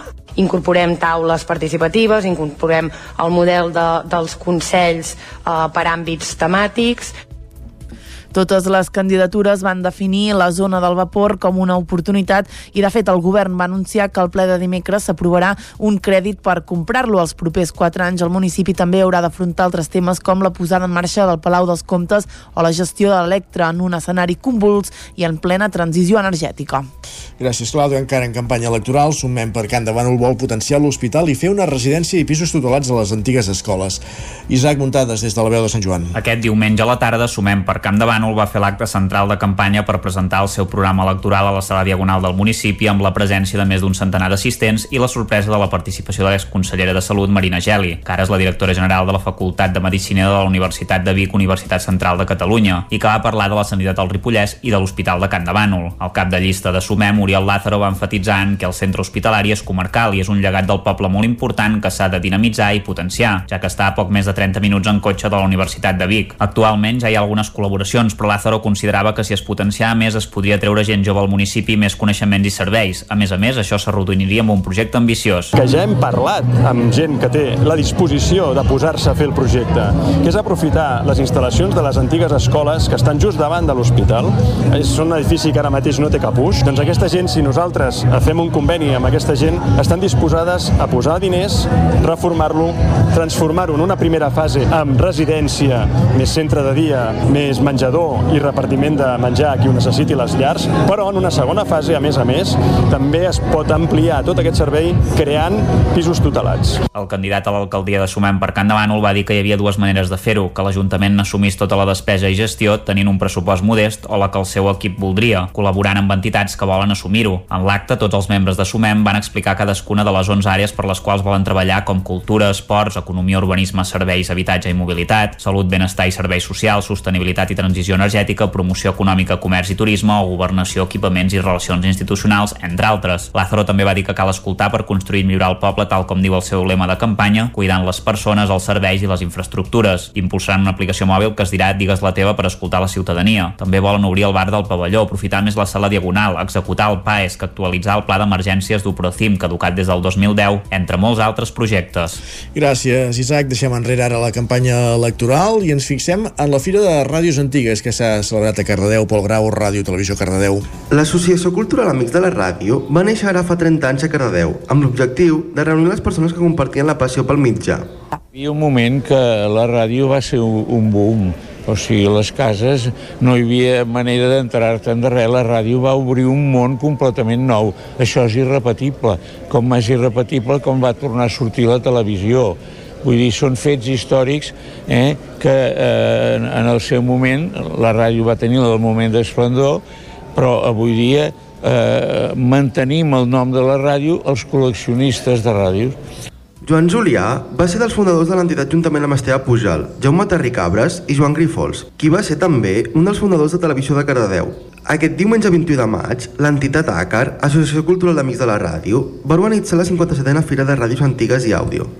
Se ha ido realizando durante eh, 30 años, dos veces al año, hacemos unas subastas, nos reunimos todos, eh, todos los coleccionistas, traemos eh, aparatos para intercambiar, para vender, traemos componentes para reparar y entonces esto es muy interesante que todo el mundo sepa que dos veces al año en Cardedeo hay una feria nacional, eh, digamos nacional de toda la península, en la cual puede venir cualquier persona que tenga mm, eh, digamos, conocimientos electrónicos o no, o tenga aparatos de radio, o quiera iniciarse en este mundo del coleccionismo y preservar la historia de la radio como aquí se está haciendo. Des de les 8 del matí a les 2 del migdia, a la pista coberta del Parc Pompeu Fabra, tots aquells interessats han pogut visitar les parades o participar en una subhasta de peces que s'han realitzat. Gràcies, Pol. Més qüestions. Aquest cap de setmana també s'ha celebrat el Pescarrirres a Torelló, que va convertir dissabte Torelló l'epicentre de la cervesa artesana. Clàudia. Tot i que la previsió de pluja va fer que el Pescabirres es traslladés d'ubicació, la sala polivalent de la zona esportiva es va omplir d'aficionats i aficionades al món cerveser. Allà hi tenien al seu abast una desena d'estants amb més de mig centenar de productes. Aquesta era la setena edició de la fira. Cada cop hi ha més nivell i entre les cerveses se'n podien tastar diverses de premiades. Ho explicava el coorganitzador de la fira, Jordi Arnau. Cada cop és més fàcil de convèncer les cerveseres perquè vinguin. O sigui, ja cada cop ens hem fet un nom i, eh, de fet, aquest any estem parlant entre els que ho organitzem de que és l'any que tenim més nivell, o sigui, tenim cerveseres de, que han guanyat molts premis a nivell nacio, eh, català, a nivell espanyol, i fins i tot tenim a Juguetes Perdidos, que és una cervesera argentina però amb subseu a Mollet, a Catalunya, que han guanyat un premi a nivell mundial. L'Argentina Juguetes Perdidos ha estat introduïda a Europa per l'expert Alexis Sánchez. Segons Sánchez, cada vegada hi ha més gent que s'anima a provar les cerveses artesanes. Contínuament hi ha més adeptes perquè ho proven, veuen que és, un, és com un element diferencial. O sigui, la birra que estan acostumats ells eh, s'acostuma a transformar en un refresc. Llavors aquí tenen un producte més gourmet, eh, els explota el cap amb tot el ventall de sabors, de colors, d'aromes que, que té la birra artesana.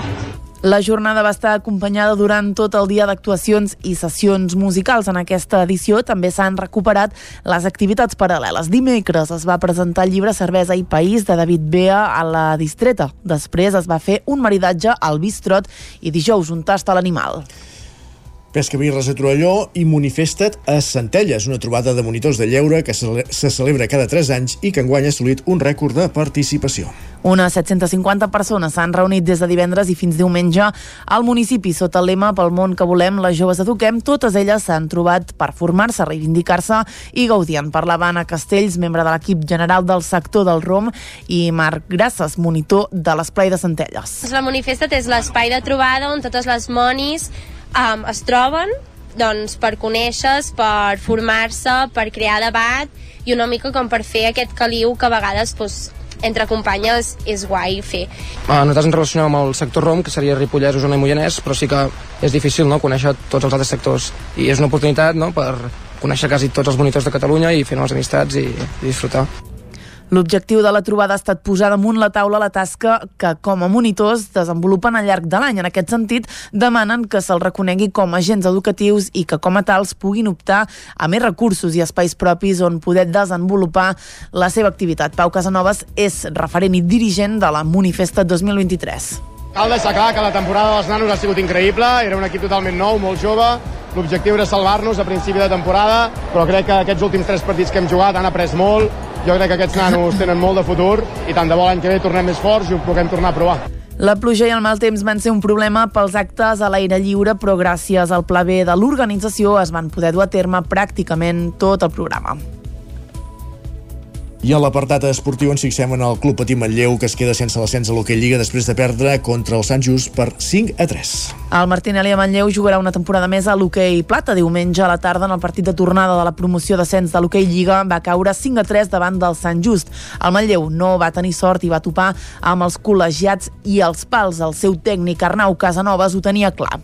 Crec que hem estat a, a tocar-ho, al final crec que avui tot ha caigut, els detallets a la banda del, del Sant Just. Deia, referint-se al polèmic primer gol, va ser en una acció de Pujalte en què la, volta, la bola va anar al pal. Els col·legiats van considerar que la caiguda havia entrat, però la bola va anar a un pam de la línia de gol i tot i les protestes dels manlleuencs, el gol fantasma va pujar a l'electrònic. Tot i la derrota a Casanovas tenia clar que el Manlleu ha fet una gran temporada. Cal deixar clar que la temporada dels nanos ha sigut increïble, era un equip totalment nou, molt jove, l'objectiu era salvar-nos a principi de temporada, però crec que aquests últims tres partits que hem jugat han après molt, jo crec que aquests nanos tenen molt de futur i tant de bo l'any que ve tornem més forts i ho puguem tornar a provar. El partit doncs, va acabar amb 5 gols del Sant Just, 3 de Pujalte, un de López i un altre de Fernández i 3 gols del Manlleu que pertanyen a Montcosí, Autet i Picard. Gràcies, Clàudia. Acabem aquí aquest repàs informatiu que començàvem al punt de les 10 en companyia de Clàudia Dinarès, Isaac Montades, Pol Grau i Roger Rams. Abans d'anar al temps, però, fem una incursió a l'exterior perquè aquest matí estem veient que hi ha molt desplegament de Mossos d'Esquadra a Torelló i allà qui hi ha és el nostre company de l'OTV, Guillem Rico, que ens pot aportar a l'última hora. Guillem, bon dia. Hola, bon dia. Què està passant bé, a Torelló? Doncs bé, de fet encara no sabem exactament què està passant, si hi ha molt desplegament policial uh, en el centre del poble. Ara hi ha dues, dues furgones uh, i hem vist fa uns minuts com, uh, com uh, al carrer Gesavall eh, doncs, havien emportat uh, una persona, que hi havia una furgona hi havia policia secreta, que a més com treien material d'un pis i que posaven una persona dintre, a dintre el cotxe. Uh, ens han dit que és una actuació que encara no ha acabat i que està sota, sota secret de, de sumari. Eh, també ens ho deien des de... Això ens el que ens deien els Mossos i també des de l'Ajuntament ens, deien, ens deien el mateix. Per tant, encara no sabem uh, per quin fet uh, seria, però que hi havia aquest, aquest dispositiu uh, uh, activat amb, amb diverses unitats de, de Mossos d'Esquadra al centre del poble, que de fet per això també ha cridat l'atenció a, a molta gent que, que passeja per aquí, eh, perquè de fet ningú sap ben bé encara doncs, què, què, què, què, què està passant exactament. Per tant, estarem pendents al llarg de, del matí de com, de com avança tot plegat. Gràcies, Guillem. Doncs, operatiu dels Mossos d'Esquadra obert a Trollom, dèiem, amb diverses furgones de les unitats antiavalots i estem pendents de, de quina és l'actuació concreta, que com dèiem les actuacions estan sota secret de, de sumari i encara estan obertes. Gràcies, Guillem, fins ara. Adéu, bon dia. Nosaltres avancem. Després d'aquest punt d'última hora, el que fem és parlar del temps.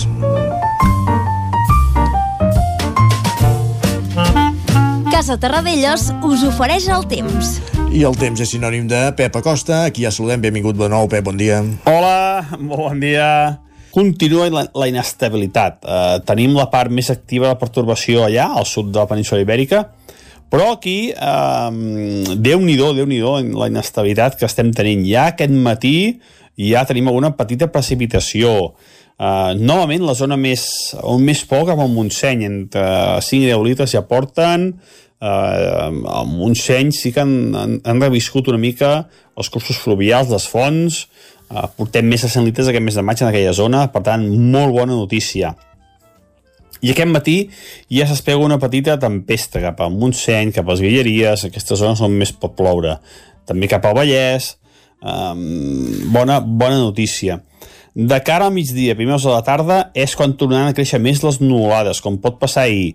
Atenció a les tempestes, que localment poden ser uh, bastant, bastant importants. Uh, poden acumular a més de 10-15 litres. Eh, jo crec que avui mm, les tempestes seran més intenses i més extenses que ahir. Eh, a superar això, els 15-20 litres, a moltes zones, sobretot Montseny i les Guilleries. També el peritoral. Ahir, eh, patacs d'aigua cap al peritoral, doncs avui es pot tornar a produir la mateixa situació. Les temperatures eh, bastant estables. Eh, es, es va Mm, es va mantenint aquesta suavitat al mes de, de maig, que és molt bona notícia, ens està salvant el tema incendis, aquesta situació, per tant, molt, molt bona notícia temperatures màximes la majoria entre els 20 i els 25 graus. Les mínimes entre els 10 i els 15, a moltes zones no baixa més la temperatura degut a la major nuvolositat. Si no fes tants núvols baixaria una mica més, sempre que els núvols fan com una mica de matalàs.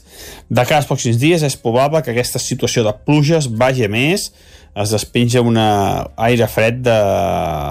es despenja aire fred d'Europa de, de, i això pot provocar encara una mica més de puja. Aviam si s'anima i és veritat aquesta situació. Demà farem un balanç de tot plegat. Moltes gràcies, adeu, molt bon dia. Gràcies, Pep, fins demà, bon dia. Casa Tarradellas us ha ofert aquest espai. I tot seguit al territori 17 el que fem és parlar d'economia.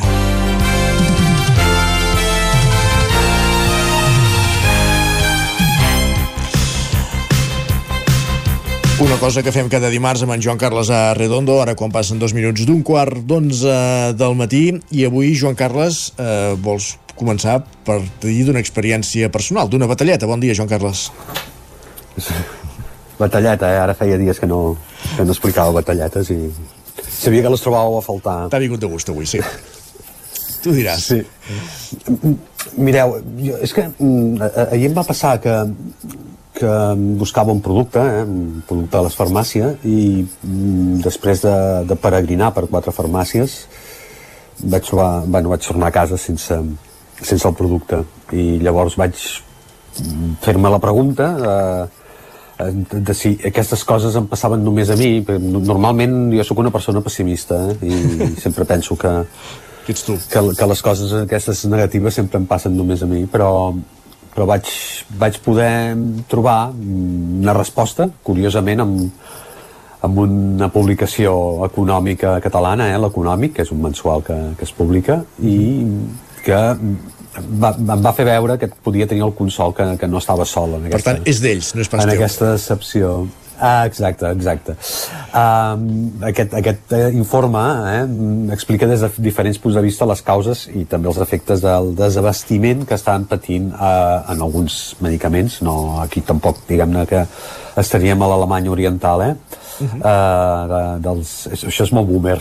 Sí. A l'Alemanya Oriental dels anys 80 però diguem-ne no estaríem en aquesta situació però, però sí que és veritat que això, que et costi trobar algun fàrmac no és una novetat però sí que ho és que ara són més fàrmacs i eh, en alguns casos són fàrmacs d'utilització molt habitual. Després entrarem en alguns casos. Eh?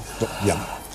Tot i que hi ha vies per evitar que els problemes acabin afectant de ple els pacients, eh? particularment la utilització d'altres fàrmacs amb el mateix principi actiu, el creixement del nombre de productes amb problemes de subministrament és un fet i les causes també són conegudes.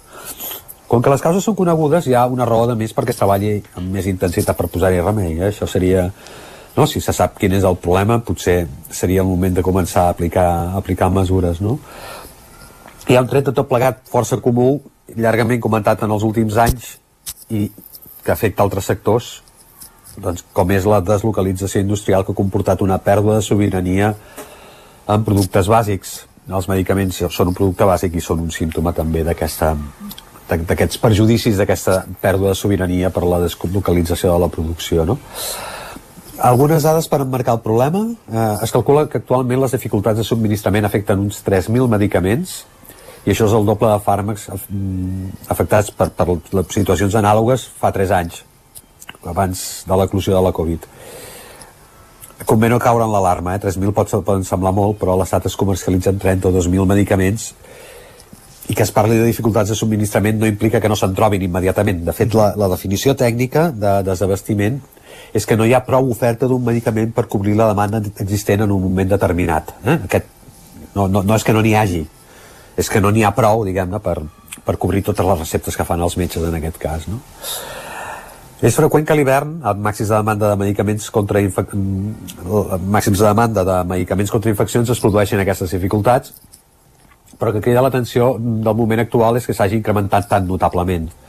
Eh, de fet, les dades de l'Agència Estatal de Medicaments i Productes Sanitaris avaluen en un 40% el creixement de fàrmacs en situació de desabastiment eh, el 2022 respecte del 2021. Aquestes són les últimes dades que es coneixen, eh, que s'ha donat a conèixer aquesta Agència Estatal de Medicaments i Productes Sanitaris. Uh -huh.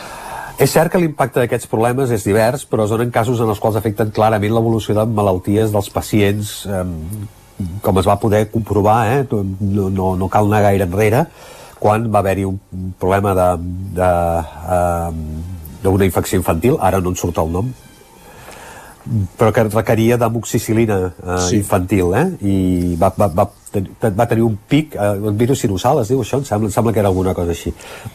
I, i, no, i no, es va, no va haver-hi prou, prou amoxicilina infantil eh, i diguem-ne que això va, va provocar problemes. Actualment està passant també en tractaments de diabètics, de, per, per diabètics, Carai que en alguns casos es fan servir com a teràpia d'aprimament i potser no hauria de ser la prioritat. No, està clar. D'entrada cal esmentar eh, que tot i que hi ha factors autòctons que ho agreusen, que després ja hi aprofundirem, la problemàtica és global. Clarament, el centre de gravetat de producció s'ha desplaçat a països asiàtics i en el tema dels medicaments probablement encara més, eh? a la Xina i a l'Índia, Uh, de fet, uh, recordo fa uns anys que la, multi... una altra metalleta, uh, la multinacional suïssa Novartis presumia de que la planta de les franqueses, eh, uh, costat de Granollers i, i per tant dins de la nostra àrea, eh, era l'única fabricant d'amoxicilina al primer món. Doncs bé, aquesta fàbrica tancarà l'any que ve. Uh, ja no serà l'única. Uh, la Xina i l'Índia són fabricants d'un 80% dels principis actius i aquesta sessió de sobirania productiva eh, és perillosa i parteix, com reflexiona el reportatge, en el reportatge que estàvem esmentant de, de l'Econòmic, el president de la Federació d'Associacions de Farmàcies de, de Catalunya, tot parteix de, de, de la idea d'haver convertit els medicaments en una mena de bé de consum i no pas de bé de primera necessitat. I com que és un bé de consum es pot deslocalitzar. Eh, aquesta reflexió crec que és interessant Potser encara hi ha més problemes productius que provenen també de la cadena de valor, no només de la producció de principis actius, sinó de tot el que rodeja eh? tota la xarxa de proveïdors. Per exemple, els medicaments necessiten envasos, en alguns casos de vidre. el vidre va tenir problemes greus de subministrament l'any passat, no només per medicaments, eh? es queixava el sector del vi, per exemple. Uh -huh. I com que hi ha un, en aquest cas hi ha com una mena de profecia autocomplerta, eh, els fabricants pensen que hi haurà molt problema de, per, per cobrir la demanda que tindran, fan comandes més grans i llavors agreugen molt més el problema, el tap es fa més gran, no? I aquesta és una de les circumstàncies que ha passat, és a dir, mm, eh, la, la producció de principis actius moltes vegades es queden als països que les produeixen perquè tenen més necessitat, no? per exemple la Xina i l'Índia, uh -huh. i a més a més tampoc hi ha manera d'envasar-los, de manera que això és un problema afegit. No? Però n'hi ha més de factors, eh? Estem parlant, doncs, de factors globals. Eh, sí, ara, ara, ara anem una mica als més locals, no? Diuen que una de les problemàtiques que, que passa és que l'Estat, l'Estat és qui paga els fàrmacs, no? Sí. Parlarem així molt en genèric, molt esquemàticament, perquè si no alguns del sector em diran, però aquest què diu, no? La, la manera de comprar funciona, és a dir, el, el sector farmacèutic funciona que quan un laboratori desenvolupa nous productes per tractar, noves, per, per tractar malalties, té un període llarg de, de temps cobert per una patent que el protegeix de les compres i pot vendre el producte al preu que, que consideri que pot rendibilitzar tota la inversió que ha fet prèviament, no? Passat aquest temps, altres empreses, passat aquest temps, que normalment són anys, eh? Sí. eh podem posar el cas de l'Omeprazol, eh? L'Omeprazol durant molt de temps va estar caríssim perquè algun tenia la, la, la, patent. La, la patent de la molècula. Després va baixar perquè va acabar aquesta patent i molts fabricants que no havien fet tota aquesta inversió en recerca i per tant els hi sortia més barat podien vendre més, més barat això normalment es diuen productes genèrics sí. i l'Estat paga a preu de genèric eh? Uh, en els laboratoris no paga a preu de, de recerca. a preu de, de patent i és normal eh? perquè, sí, perquè l'Estat diguem ha, ha de protegir diguem està, està gastant diners de tots no? Um, i per tant uh, això diguem-ne que en el cas de l'estat espanyol passa que el preu que paga és un 16% més barat que la, que la mitjana europea. Okay. Què fan els laboratoris? Que aquí, diguem-ne, que es comporten una mica de manera èticament potser millorable, eh? Mm, venen, o sigui, en el que li paga més barat li ven l'últim. Eh, I llavors pot, pot passar, no?, que, que si tu estàs pagant molt més barat, doncs vagis a la cua, no? Les solucions que s'apunten a la problemàtica no difereixen gaire de les que es produeixen a altres sectors. Eh? Recuperar la producció autòctona per reduir la dependència i poder actuar de manera proactiva i no reactiva com s'està fent fins ara. No? Uh -huh. A més, amb una reacció complexa, perquè les normes de l'Estat no ho posen fàcil, eh? perquè si tu vols eh, interioritzar, eh, internalitzar producció, en el sector farmacèutic els requeriments de qualitat, de seguretat són molt llargs i diguem-ne que recuperar tota aquesta producció pot portar un temps. Aquest any està previst que hi hagi un pla estratègic per la indústria farmacèutica que prevegui inversions de 2.700 milions d'euros per recuperar aquesta, aquesta, producció, aquesta sobirania productiva. El problema és que aquesta solució és a llarg termini i eh, a més a més mentre la solució és a llarg termini el problema, els medicaments es necessiten de manera immediata, de manera que aquí no arribem a casar els temps estaria bé que es pogués trobar també alguna solució reactiva que faci que no sí, sí. sigui necessari perible per, per, aconseguir per farmàcies i fer una marató per, per trobar un medicament doncs eh, està explicat i perfectament entès. Moltíssimes gràcies, Joan Carles, una setmana més. Gràcies a vosaltres, bon, bon dia. dia. Acabem aquí, fem una petita pausa tot seguit del Territori 17 i abordem la darrera mitja hora. Fins ara mateix. El nou FM, la ràdio de casa, al 92.8. Per moure't, lloga un cotxe ALR. Per moure la família, lloga un minibús ALR. Per moure coses, lloga una furgoneta ALR. Per moure la casa, lloga un camió ALR. Lloguer de cotxes, furgonetes i camions ALR. Ens trobaràs al carrer Francesc Sant Climent 83 de Vic i també a Olot i Manresa. Informa't en el 93 888 60 57 o bé consulta el web alr.cat. A Boi Galtés trobaràs tot el que necessites relacionat amb l'equitació, t'assessorem i t'equipem amb tot el que et faci falta. Som especialistes. No ho dubtis i vine a Boi Galtés. Ens trobaràs al carrer Jaume I de Vic, número 5, al 93 886 1420, a la nostra web www.boigaltés.es i també som a Instagram boigaltés.equitació. A Bailen sabem que quan té una avaria a la seva caldera vol una solució ràpida. Truqui al servei tècnic oficial Bailen i els nostres tècnics vindran ràpidament a solucionar-li el problema. A més, si canvieu ara la caldera, us regalem fins a 250 euros. Truqueu al 910 77 88 77 o entreu a bailan.es. Ser a prop vol dir veure les coses més bé. Apropa't al que t'interessa amb la xarxa Més. La teva plataforma audiovisual de qualitat, proximitat i gratuïta. Gaudeix dels continguts de més de 30 televisions locals i podcast quan, com i on tu vulguis. Entra a la xarxa més.cat i descarrega't l'app. Cocodril Club. Si t'agrada la bona música dels anys 60, 70 i 80, escolta el 9 FM els matins de dissabtes i diumenges d'11 a 1. És el temps del Cocodril Club, tot un clàssic de la ràdio, amb les bases del pop-rock, les llegendes, les cançons que s'han convertit en autèntics himnes. Recorda, dissabtes i diumenges al matí, d'11 a 1, al 9 FM 92.8. Cocodril Club, el programa revival de l'Albert Malla. Hasta luego, cocodrilo. Bon dia, són les 9 al Territori 17. La Miquel Parella, alcalde. Cada matí i durant dues hores t'acompanyem i et posem al dia de l'actualitat de casa nostra. Potenciant així l'autonomia En aquest cas me la peça el taler si no... Usos per feminitzar el pensament masculí. Territori 17, el magazín matinal d'Osona, el Moianès, el Ripollès i el Vallès Oriental. Que la meva àvia de 93 el anys... 9 FM, el 9 TV, el 99.cat i també els nostres canals de Twitch i YouTube. Demà per fer-se un tatuatge. Cada matí, Territori 17. Ole. Anuncia't al 9FM. La màquina de casa. 9 3 8 8 9 4 9 4 9. Publicitat arroba al 9FM.cat. Anuncia't al 9FM. La publicitat més eficaç. El 9 FM, el 9 FM, el 9 FM. Al Territori 17, en punt, dos quarts d'onze. I a dos quarts d'onze en punt al territori 17 és moment de saludar en Guillem Sánchez. De fet, d'això en dèiem l'hora Sánchez, temps enrere. Bon dia, Guillem. Què tal, com va? Bé, i tu? Bé, bé, bé.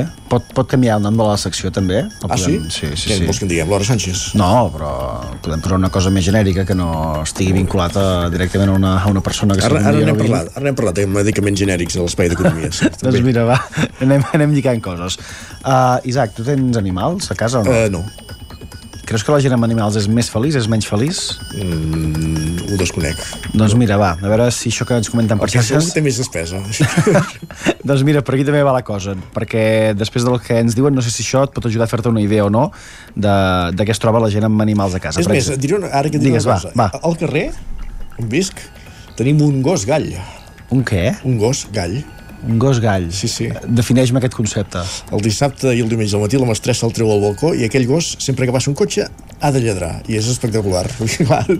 Si tu vols estirar una mica L'hora de, de dormir ja no... doncs amb el gos gall és complicat. Ja no hi ha manera. Doncs va, de gossos cap a gats, perquè ens escriuen. Diu, els meus pares es lleven a les 4 de la matinada per posar una llauneta als gats. Si no, els petits la lien i no els deixen dormir. Gent amb gats, no els deixeu guanyar la batalla. Exacte. Això s'han de marcar les normes ja al principi. Eh? De fet, la Blanca respon a aquest comentari i diu jo li poso mitja llauna al migdia a la nostra hora de dinar i l'altra mitja a l'hora de sopar. Potser això els serveix perquè vagin tips i no els despertin. Però el comentari més intel·ligent i més sensat és el que ens escriu en Jordi, que diu jo, com que no tinc gat, puc dormir fins que s'acaba la son. Veus?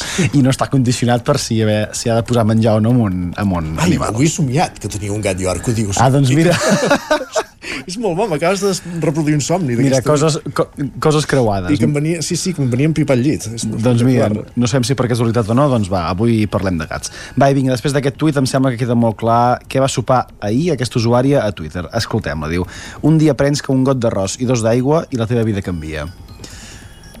Un got d'arròs i dos d'aigua. Això deu ser per, què? Ah, per fer... clar, per fer l'arròs, clar, sí, sí, sí. Però la, És la mesura. L'arròs bullit o l'arròs en general? Jo aquí pregunto, eh? No sé, jo... teoria, depèn de quines paelles, si el vols més caldós, a vegades potser és alguna més d'aigua, en fi, això són les mesures. que la gent ens enviï correus i que ens truqui per explicar-nos sí. coses. Va, i parlant de menjar i del seu valor, molt d'acord amb aquesta afirmació que ens escriuen si teniu problemes per identificar la gent rica, fixeu-vos en aquells que mengen als restaurants de l'aeroport. Ah. I és una cosa que tinc prohibidíssima, pràcticament. Gastar-me diners en botigues de menjar vinculades a l'espai de l'aeroport perquè sí, sí. se'm cauen, no vull dir la paraula, allò al terra. Sí, sí. Mare de Déu. No baixes de 5 euros amb un cafè, clar. Correcte, va. I mireu que destacaven aquests dies alguns mitjans de comunicació com a notícia. No l'havia sentit jo, eh? no sé si és que vaig eh, desfassat, vaig tard o, Ja, o no. espera. El govern balear cita d'urgència Ryanair per parlar sobre les condicions per pujar ensaïmades a l'avió. La companyia les fa pagar com a accés d'equipatge i només es poden pujar gratuïtament les comprades a l'aeroport. Tot és possible. Tot és possible. A, a Can Ryanair. De fet, res, cost. respon l'Abril i li diu mai m'han fet pagar per dur una ensaïmada a l'avió. També és veritat que mai vaig amb Ryanair. Si arriba un dia que me les fan pagar per dur una ensaïmada, no em vull imaginar el quadro que els muntaria. Uh, veig un negoci, eh? Sí? Parades ensaïmades a Barcelona. Ja està. no cal portar-les de Mallorca. Tot té solució. Però qui sigueu tu i clar és la Lola que ens diu sucant l'ensaïmada del berenar al pot de la Nutella, sopant, bona nit, no sé qui sóc. Oh, festival. Ensaïmada amb Nutella per sopar. Jo hi aquí afegiria potser un got de llet freda directament de la nevera per acabar-ho de, gustos, clar. de rematar. Va, i a vegades a certes hores de la nit també apareixen per casa, eh, Isaac, aquelles trucades de promoció de qualsevol cosa, no? Em Ah, sí, sembla? sí. Va, Marc Oteclà també ens diu parlar en català contra l'espam telefònic com a eina dissuasòria. És fantàstic, no falla, pengen sempre ells. Doncs mira, ens ho, ens ho apuntem també. Va, i de trucades va la cosa perquè l'Àlex ens confessa el següent. Diu, rebo una trucada d'un número desconegut, l'agafo, tres punts suspensius, i resulta que és una gravació de Jaume Collboni demanant en castellà que el voti. Diu, el dia ja no pot empitjorar gaire més. Déu, senyor. Ai. Bé, eh, en temps d'eleccions són coses que, Sí, sí. que poden que passar. poden- passar. Ràpidament, anem per acabar. Sí, la secció eh, l'acabarem avui des del punt de vista animal. Si no us ho havíeu plantejat mai, la Marta us ajuda a culminar una reflexió interessant. Ens diu, tècnicament, per un gos, el metro és un ascensor que dura una mica més. Correcte. O també aquesta afirmació d'en Roc que ens diu a la tele han dit que totes les formigues de la Terra pesen més que tots els humans junts i ara ja no puc parar de pensar-hi. Doncs va. Moltes formigues, i, molts, formigues. i molts animals a la Terra. Gràcies, Guillem. Que vagi bé. I al Territori 17 entrem tot seguit al racó de pensar una setmana més amb la Maria López. Bon dia. Bon dia, Isaac, i benvingudes una setmana més al racó de pensar, el nostre espai de debat social setmanal a Territori 17, que ens permet analitzar i posar sobre la taula tot allò que ens remou i que té a veure amb la salut, l'educació i el feminisme. I ens quedarem precisament amb aquests dos últims pilars del racó de pensar, perquè avui volem parlar d'educació, de feminisme, i afegirem aquí a l'equació la sexualitat. I és que avui volem parlar d'un projecte que conjuga aquests tres conceptes en una equació que aterra a Cardedeu aquest estiu. Mandràgores és un projecte cooperatiu que neix el 2016 amb la voluntat de contribuir en l'educació sexual i afectiva des d'una perspectiva feminista. La Laura Arcarons, la Carlota Coll i la Bruna Serra duen a terme aquesta tasca a través de tallers participatius i vivencials que busquen una revisió crítica de la sexualitat. Així que avui al racó de pensar parlem de sexualitat, feminisme i mandràgores. El racó de pensar, a Territori 17.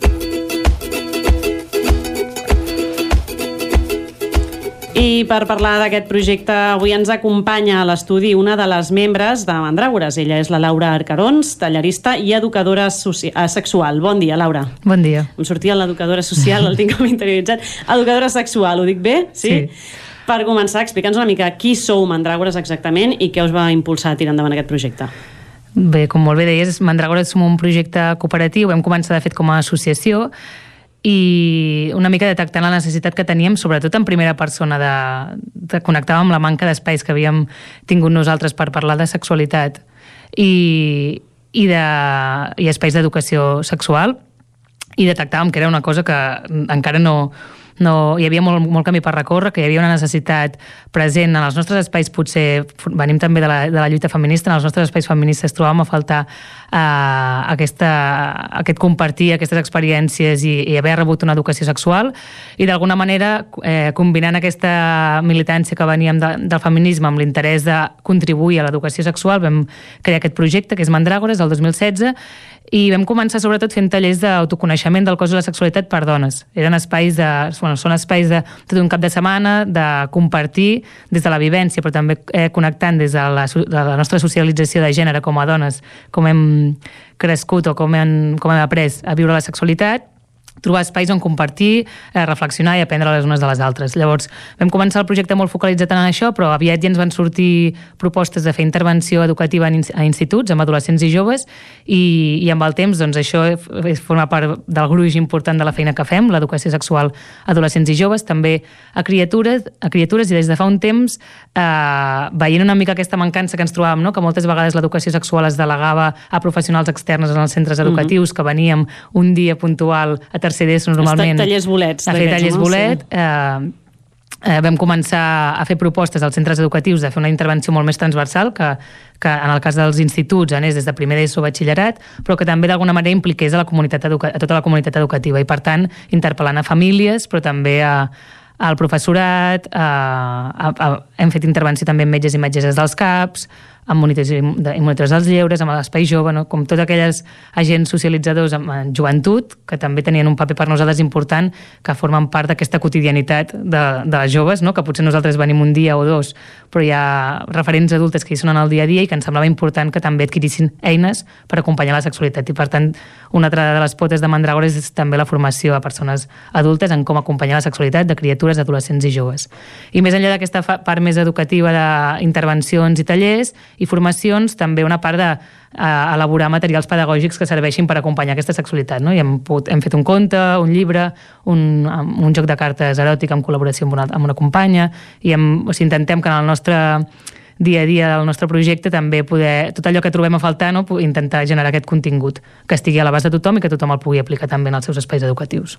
Què implica parlar de sexualitat amb una mirada feminista? O sigui, des, de, des del pensament feminista, què trobàveu a faltar amb les mítiques xerrades de sexualitat? D'aquelles xerrades podem trobar moltes coses a, fal a faltar, no? D'aquelles d'institut de, de potser fa 20 anys enrere, però més enllà d'això, què implica posar aquesta mirada feminista? Clar, per nosaltres eh, el, el que és important és entendre que la sexualitat no és un fenomen eh, físic i que s'ha d'atendre des, de la, des de la ciència o des de la salut, que, que això, mm, com en els últims en els últims temps havia sigut així, no? I, i en, en les intervencions educatives moltes vegades et venia, o encara passa, no? El llevador, llevadora, infermera, infermer, a fer un taller centrat en la prevenció d'infeccions i embarassos, i moltes vegades des d'una mirada molt heterosexual. Uh -huh. I per nosaltres la, entendre la sexualitat des del feminisme és entendre que la sexualitat està a és un fenomen social i cultural, històric, no? que a més a més va canviant al llarg de la història, i que està travessada per un seguit d'opressions i de privilegis i que la nostra manera individual de viure la sexualitat tindrà a veure amb la nostra socialització de gènere, amb la nostra orientació sexual, amb el nostre context cultural o religiós, amb la nostra família, amb quina edat tinguem, no? i tot això ens construeix aquesta manera particular de viure la sexualitat. I per tant, quan acompanyem la sexualitat no podem fer com un fenomen que tothom viu de la mateixa manera, de manera homogènia i com una cosa únicament física, sinó eh, un fenomen que s'ha atravessat per aquestes desigualtats o fins i tot per les violències, no? I, per tant, si ho fem des d'aquesta mirada feminista, eh, implica mirar-ho des de la perspectiva de gènere, com la socialització en la sexualitat de nois i noies moltes vegades es fa de forma oposada, no? Com a vegades en, en el cas de, dels nois la sexualitat és una cosa que s'ha de viure de forma expansiva, oberta, cap en fora, no? com, com més millor i com és un símbol de reconeixement social i en canvi les noies moltes vegades és de la intimitat, el tabú, el silenci, la vergonya, el rebuig fins i tot a parts del cos o a, no? a, a processos naturals com són la regla, el flux, no? com hi ha aquesta, o sigui, posar-hi aquesta perspectiva de gènere, entendre que, per exemple, la masturbació o l'apropament a la masturbació no el viuran igual nois i noies, uh -huh. perquè ens hi apropem de maneres diferents, posar-hi la perspectiva de la diversitat, entendre que no hi ha una experiència vàlida que és l'heterosexual, sinó que hi ha un seguit d'experiències que també ho són, no? i per tant visibilitzar la diversitat d'orientacions sexuals, d'identitats de gènere i d'expressions. I quan parlem de sexualitat, transversalitzar aquesta mirada, no, no només fer una sessió de anem a parlar de la diversitat d'orientacions i fem una llista de les diferents categories, sinó entendre que teva manera de, de viure la sexualitat també serà diferent en funció de la teva identitat o orientació i que, i que hem de poder construir aquest imaginari nou que a vegades està negat de referents, no? perquè moltes vegades ens passa potser amb, amb adolescents eh, lesbianes que ens diuen, clar, jo com puc tenir relacions sexuals?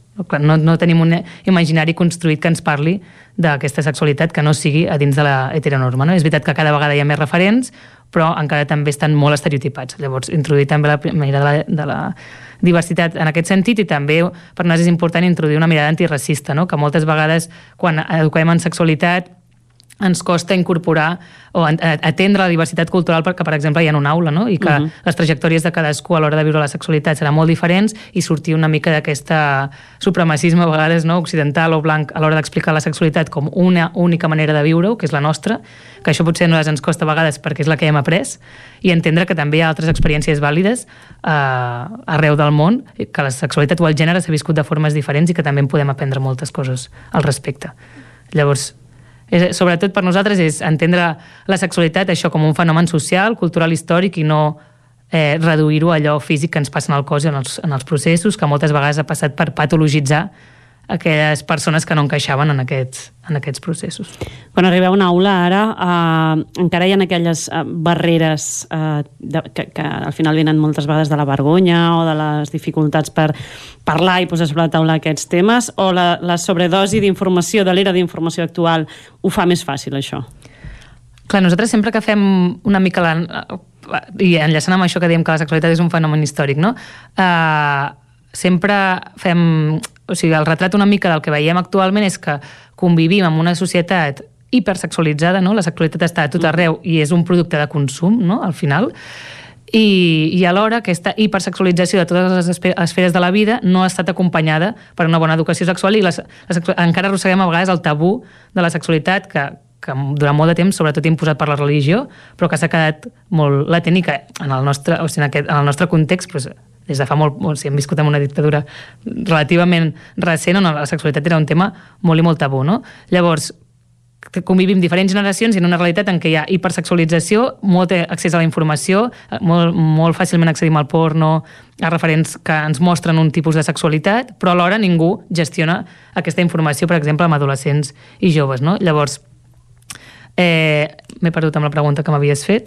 D'alguna manera, sí, encara quan arribeu a les aules sí, trobem aquesta barrera, exacte. no? Llavors, sí. ens passa això, que hi ha moltíssima informació a les aules, molta més que, per exemple, quan jo penso quan jo anava a cinquè de primària o a l'institut, eh, i per tant, això hi és molt present, però alhora la, la vergonya és la, la primera emoció que, que ens expressen quan diem què, què ens genera ara parlar de sexualitat. No? Quan entrem en una aula sempre els hi preguntem, en parleu a casa? I és veritat que a poc a poc hi ha més gent que diu que sí, però quan els hi preguntem de què parleu, normalment ens diuen a mi m'han dit que vagin compte. és que vigili. frase. Com a, com a mare d'adolescent és que és la frase. Exacte, eh? no? Que, que, o m'han parlat de la regla, però difícilment et, algú et dirà, a mi m'han parlat del plaer, m'han parlat de la masturbació, m'han dit que m'he d'observar i conèixer el meu cos, o m'han parlat de la diversitat d'orientacions i, que, i es viu de forma totalment natural a casa. Llavors, eh, passa això, llavors, quan obrim un espai de taller en un grup amb 20 i pico persones, de cop i volta parlar de sexualitat fa vergonya, no? És, és veritat que quan es van fent més grans cada vegada aconseguim com un espai més relaxat des del principi, però, però és veritat que l'emoció amb la que connecten és amb la vergonya. I també que aquest accés d'informació a vegades sembla que ho hagin de saber tot, no? Mm -hmm. Llavors, el nostre exercici una mica és rebaixar aquesta expectativa i dir aquí ningú sap tot, ni nosaltres ni vosaltres, anem a obrir un espai per començar a trencar el tabú, resoldre dubtes, parlar d'allò que us interessi i també en cada grup doncs, poder calibrar quines necessitats o, o neguits tenen en el moment, no? perquè és veritat que treballant en diferents edats vas, o sigui, la sensibilitat de, o les necessitats de cada grup varia Són moltíssim, no? Clar. Corregeix-me si m'equivoco, però tinc la sensació de que sí que és veritat que a nivell de parlar eh, des de la família, des de l'escola, sobre els diferents tipus de relacions afectives és una cosa que s'ha treballat, però quan fiquem el peu en el terreny sexe és quan mm, ningú sap molt bé eh, com, com encarar aquests temes, no? I a més a més jo crec que és una complicació a dues bandes, perquè no és que tinguis eh, un jove o una jove insistint per parlar del tema, és que crec que, que ni l'adult eh, sobretot si el tens a casa, no? està preparat per encarar-ho, ni el jove tampoc insisteix massa per parlar-ne, no? És aquí una, una doble dificultat, no? Sí, per nosaltres la principal dificultat és no haver-ho no haver naturalitzat abans, no? Que quan fem tallers en famílies és, clar, com, com, la primera demanda és com puc parlar, no?, amb, la, amb el meu fill-filla, i al final, és, si, si des de casa no hem aconseguit que sigui un tema que formi part de la naturalitat, és difícil que precisament en l'adolescència, quan tendeixen no? a dir, no, ara el meu, o sigui, trencar una mica amb aquest referent adult familiar, tu, vulguin, siguis tu la persona amb qui voldran parlar. Llavors, per nosaltres la feina prèvia és poder fer, haver posat el tema de la sexualitat, el cos, les relacions sobre la taula des de que són ben petites perquè ja hi és present, no? El joc, el descobriment, el, la recerca del plaer, la curiositat pel cos de les altres persones. Tot això ja hi és i ho hem d'anar podent acompanyar. Si no, atendre, o sigui, cara a l'adolescència ja és molt difícil també que moltes adolescents ens diuen clar, és que me'n venen a parlar i és que estan super incòmodes els meus pares, no? Llavors, clar, és que a vegades detecten ja la, la pròpia incomoditat de l'altra persona i és un espai molt, molt rígid i molt difícil de fluir. I llavors, per nosaltres, sempre proposem que potser si l'espai no és casa, garantir que hi ha una, un altre espai en l'entorn que sí que està- s'està treballant amb això, això. l'institut, l'espai jove, el cau, l'esplai, el grup de bàsquet, qui sigui, no? com que hi hagi espais que també en parlin, i després eh, fer servir altres coses que potser no sigui la conversa, no? doncs des de, de regalar un llibre, deixar algun material per casa que puguin autònomament eh, doncs, investigar o jo què sé, o aprofitar moments quotidians que pot ser una escena de sexe o un petó a la tele i que allà pugui sortir una conversa o una notícia no? que també ara són coses que és fàcil, no? dir, ah, pues una notícia que es diu que el porno, no sé què. Què en penses, no? Com aprofitar altres moments que no sigui allò, seiem, Seiem, i anem, anem a parlar parlar. d'això, no? Anem a parlar, i moltes vegades vinculat a, sembla que a, explica'm allò que has fet, no? Una mica Sí, des del control sí. o, o, aquell interès de en quin punt estàs, no? Llavors això és molt incòmode perquè si no no no has parlat mai de cop i volta exposar-te a dir què has fet i què no has fet, doncs no... Eh, no. No, no és fàcil. No. Uh, quan, uh, posant, tornant a aquesta mirada feminista que dèiem a l'hora de parlar de, de sexualitat, quan entreu a les, a les aules o quan parleu amb, amb la, la secció més jove, uh, on trobeu que, que encara està com més, en quins temes trobeu que està més instaurat encara l'heteropatriarcat? Nosaltres sempre diem que amb el, el, tabú, amb el tema del tabú de, de la masturbació de les noies és un tema que encara hi és molt present, que és veritat que ha canviat, que a partir de quart o batxillerat és una cosa que comença a posar-se sobre la taula amb bastanta naturalitat, cosa que jo quan anava a batxillerat no passava. Llavors, creiem que continua en, en una etapa però que es va trencant a poc a poc. Eh, un altre mite que està molt present és el tema de la virginitat, la pressió, no? Com el, el... Sembla que hagis de... No? Sí, tothom ha de passar per Que això, no siguis no? l'últim, no? Exacte. Tothom hi ha de passar, eh, que no siguis l'últim, com sempre, amb aquesta sobreimportància de la pràctica de la penetració per sobre de la resta, no? hi ha tot un ritual al voltant d'això, i en canvi no tenim aquests rituals per altres pràctiques sexuals, no? i per tant, sí o sí, tothom ha de fer aquesta pràctica sexual per definir que ha tingut una relació sexual, llavors aquesta jerarquia de pràctiques on la penetració continua sent, la penetració d'un penis a dins d'una vagina continua estant al centre de la sexualitat, això és molt present i és present a les adolescents i joves i és present també en les persones adultes, no? Uh -huh. Llavors, això és un tema que nosaltres li posem bastant d'èmfasi, però intentar ampliar l'imaginari de pràctiques, l'imaginari de plaers, no? com que hi ha persones que podem sentir plaers de moltes maneres diferents, en moltes parts del cos diferents, i no han de passar per aquesta pràctica, que és una opció que té, tenen les persones, però que no és obligatòria, no? i també entenem que és una pràctica que deixa fora molt, tip- molts altres tipus de relacions. Llavors, el tema de la centralitat de la penetració continua sent molt, molt present. Eh, i també el, el cos, o sigui, el, la relació amb el cos, la pressió estètica, clar que no, de formes diferents, no? però és, és un tema que sempre sobre, eh, es posa sobre la taula en els tallers, la vergonya de despullar-se davant d'algú, el rebuig a les vulves, sobretot, és una part del cos desconeguda, que fa fàstic, que sí que a poc a poc han sentit a parlar més del clítoris perquè s'ha posat de moda el Satisfyer, no? i llavors Mhm. són coses que a vegades ens fan favors, però és veritat que continua havent-hi com una, un rebuig en aquesta part del cos que no hi és, per exemple, en els penis o en d'altres. Llavors, eh, això continua sent present.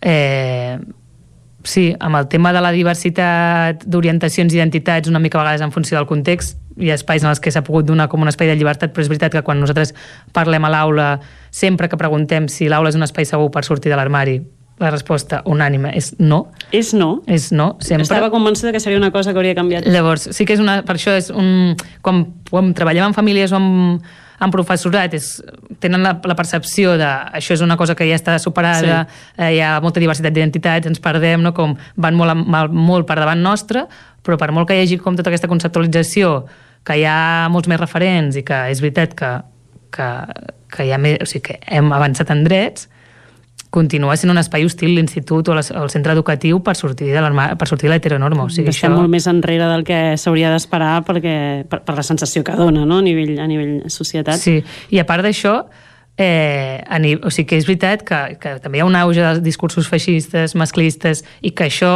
està a TikTok, a YouTube, a partits polítics, no? i és, són discursos que s'empapen a la societat i que els adolescents també senten i reprodueixen, i hi ha banalització de, la, de les violències sexuals, eh, hi ha tot uns falsos discursos de, al voltant d'això, de les denúncies, de, de com si els, els homes estiguessin perseguits. Llavors, que estem en un moment de molta tensió perquè hi ha hagut tot aquest auge del feminisme i hi ha una reacció de resistència I amb forta. l'efecte pèndol, no? Una Sí. mica allò d'ara sembla que siguin sempre els dolents, no? Exacte. I això traspassa les aules llavors a vegades és complicat de gestionar amb qui ens costa moltes vegades més de, de treballar és amb un tipus de masculinitat que, que està molt, molt resistent a, a acollir aquests discursos. Per això nosaltres sempre quan parlem de sexualitat no ho fem, ho fem des d'una perspectiva feminista però no diem que ho fem des d'una perspectiva feminista, no? quan entrem en una aula, perquè sabem que Sí, directament genera genera resistència.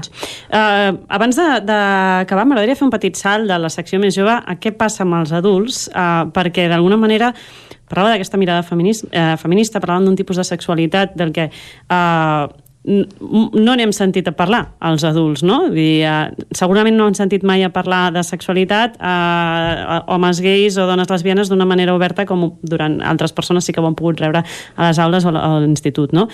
Tota aquesta manca d'informació per, de cara als adults, tenen on rebre-la? Hi ha tallers, hi ha eh, altres tipus de, de possibilitats perquè la gent adulta que s'ha saltat aquestes, d'alguna manera, o que ho ha hagut d'anar descobrint per si mateixa, però que segurament hi hauria moltes altres coses eh, que, que no coneixen o que, o que no han pogut saber com funcionen. Eh, hi ha tallers de sexualitat per adults. Sí, bueno, nosaltres quan fem aquests, els tallers d'autoconeixement del cos de la sexualitat els fem per, per dones i per persones amb vulva eh, i ho fem per persones adultes. Eh, sí que, tu deies, mm, adultes, gais i lesbianes, per nosaltres adultes heterosexuals també, perquè el model heterosexual ha estat tan definit com ha de ser que moltes vegades experiències falta, no? dins de l'heterosexualitat que se surtin d'aquest model tan rígid eh, són complicades perquè m'havien dit que havia de funcionar això i a mi no em funciona. Uh -huh. Llavors, eh, sí que és veritat que a vegades no, la falta de referents fora de la, de la heteronorma, no? pues sent una, un noi gay, una noia lesbiana, et permets explorar o, o, o t'acostes a la sexualitat moltes vegades des del descobriment, el dubte, però també el joc, i sense un patró tan marcat com, com hi, és dins de l'heterosexualitat. Llavors, a vegades, sortir de la- de l'heterosexualitat a nivell de norma sexual, de pràctiques, per exemple, pot ser molt dificultós perquè està molt, molt definit com ha de ser. I llavors, per, no sé si són necessaris espais també per les persones adultes per reflexionar. Clar, ara hi ha moltíssims llibres, també hi ha programes, no? A TV3 es va fer un programa que es deia Punt D, que parlava de diferents aspectes de la sexualitat que era enfocat més a persones adultes i era, era interessant. Eh, I tallers, jo no sé si en espais mixtes, nosaltres els espais que fem mixtes amb persones adultes és més encarat a la part educativa, però també ho fem com un exercici de revisió de les pròpies creences. És no? que quan has dit abans que, que es feien com per ajudar a educar, pensava, i la, i la de punts que es deuen prendre a nivell particular, no? Dius, ja que això ho haig de transmetre, però jo crec que hi ha una manca d'informació brutal pels mateixos adults que, no, que, que ens l'hem saltat. Mm -hmm. Per ser, nosaltres és important que si volem acompanyar la sexualitat fem un exercici previ de revisió d'aquests aprenentatges i de les nostres pròpies creences, de la nostra pròpia vivència de la sexualitat. Llavors sí que quan fem tallers amb persones adultes ho encarem aquesta part també de- d'exercici de, revisió. Parlem un segonet eh, abans d'acabar d'aquest curs d'estiu que arribeu a escola, d'estiu, de fet es diu, no?, que arribarà aquí a Cardedeu eh, al mes de juliol, si no m'equivoco, si ens pots explicar una miqueta en què consistirà. Sí, li hem dit escola d'estiu, no sé si és una mica pretensiós, però és una jornada d'un dia sencer de, de formació eh, destinat a, a professionals, famílies i, i educadors i educadores que tinguin ganes de revisar l'acompanyament de la sexualitat que fan a criatures ad- adolescents i joves i fer-ho des d'una perspectiva feminista, no? pues que ens pugui generar un espai de debat i reflexió i alhora poder adquirir eines per a la nostra pràctica educativa poder-les incorporar.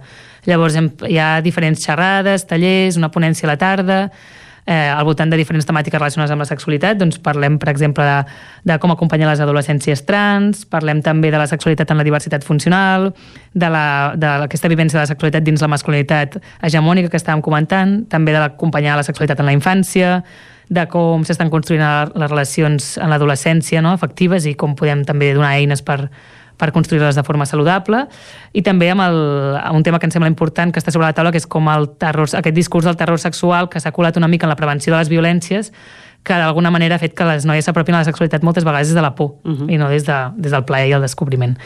I després tenim una ponència a la tarda per parlar de, de com fem educació sexual des d'aquesta perspectiva eh, antiracista i interseccional que comentava abans i un espectacle al vespre per parlar de la intersexualitat, que també creiem que és un tema encara molt tabú, que és aquesta I de LGTBI encara molt desconeguda i, que en forma d'espectacle i després una mica de debat eh, posarem sobre la taula. I a part d'això tindrem un espai també d'exposicions i de paradetes amb, amb de llibres, art i joc, amb una exposició de genitals diversos de gent còsmic i la idea és un, això, una jornada una mica de reflexió, debat al voltant de la sexualitat, de trencar una mica amb aquest tabú també i posar-ho en un espai eh, obert. Sí que són inscripcions limitades, llavors això és important perquè perquè ja tenim bastantes... ens queden poques places i això serà el 15 de juliol a l'espai eh, del Tarambana, de 10 del matí, que també tenen un moment d'altaveu les joves de, de la Paqui. Uh -huh, de Casal per, de Joves de Cardedeu. Del Casal de Joves de Cardedeu, perquè ens expliquin també quines reivindicacions des de la pròpia veu d'adolescents i joves tenen al voltant de l'educació sexual. Quins, doncs, uh, Laura Arcarons, moltíssimes gràcies per venir a explicar-nos una miqueta més uh, sobre Mandraures i aquesta escola d'estiu 2023 i sobre tota la tasca que feu al voltant de la sexualitat. Moltíssimes gràcies per venir al racó de pensar. Gràcies a vosaltres. Uh, Isaac, tornem al relleu cap a Vic perquè puguis acomiadar el territori 17 d'avui. Moltíssimes gràcies i ens veiem eh, dijous a la plaça. Fins dijous, gràcies Maria. Doncs sí, acabem el racó de pensar i acabem el territori 17 d'aquest matí de dimarts, 23 de maig de 2023. Us hem acompanyat des de les 9 del matí Pol Grau, Isaac Montades, Roger Rams, Pepa Costa, Guillem Rico, Joan Carles Arredondo, Guillem Sánchez, Maria López, Clàudia Dinarès, Sergi Vives, Isaac Moreno. I tornem demà a partir de les 9 del matí. Fins a les hores. Gràcies per ser-hi. Molt bon dimarts. Adéu-siau.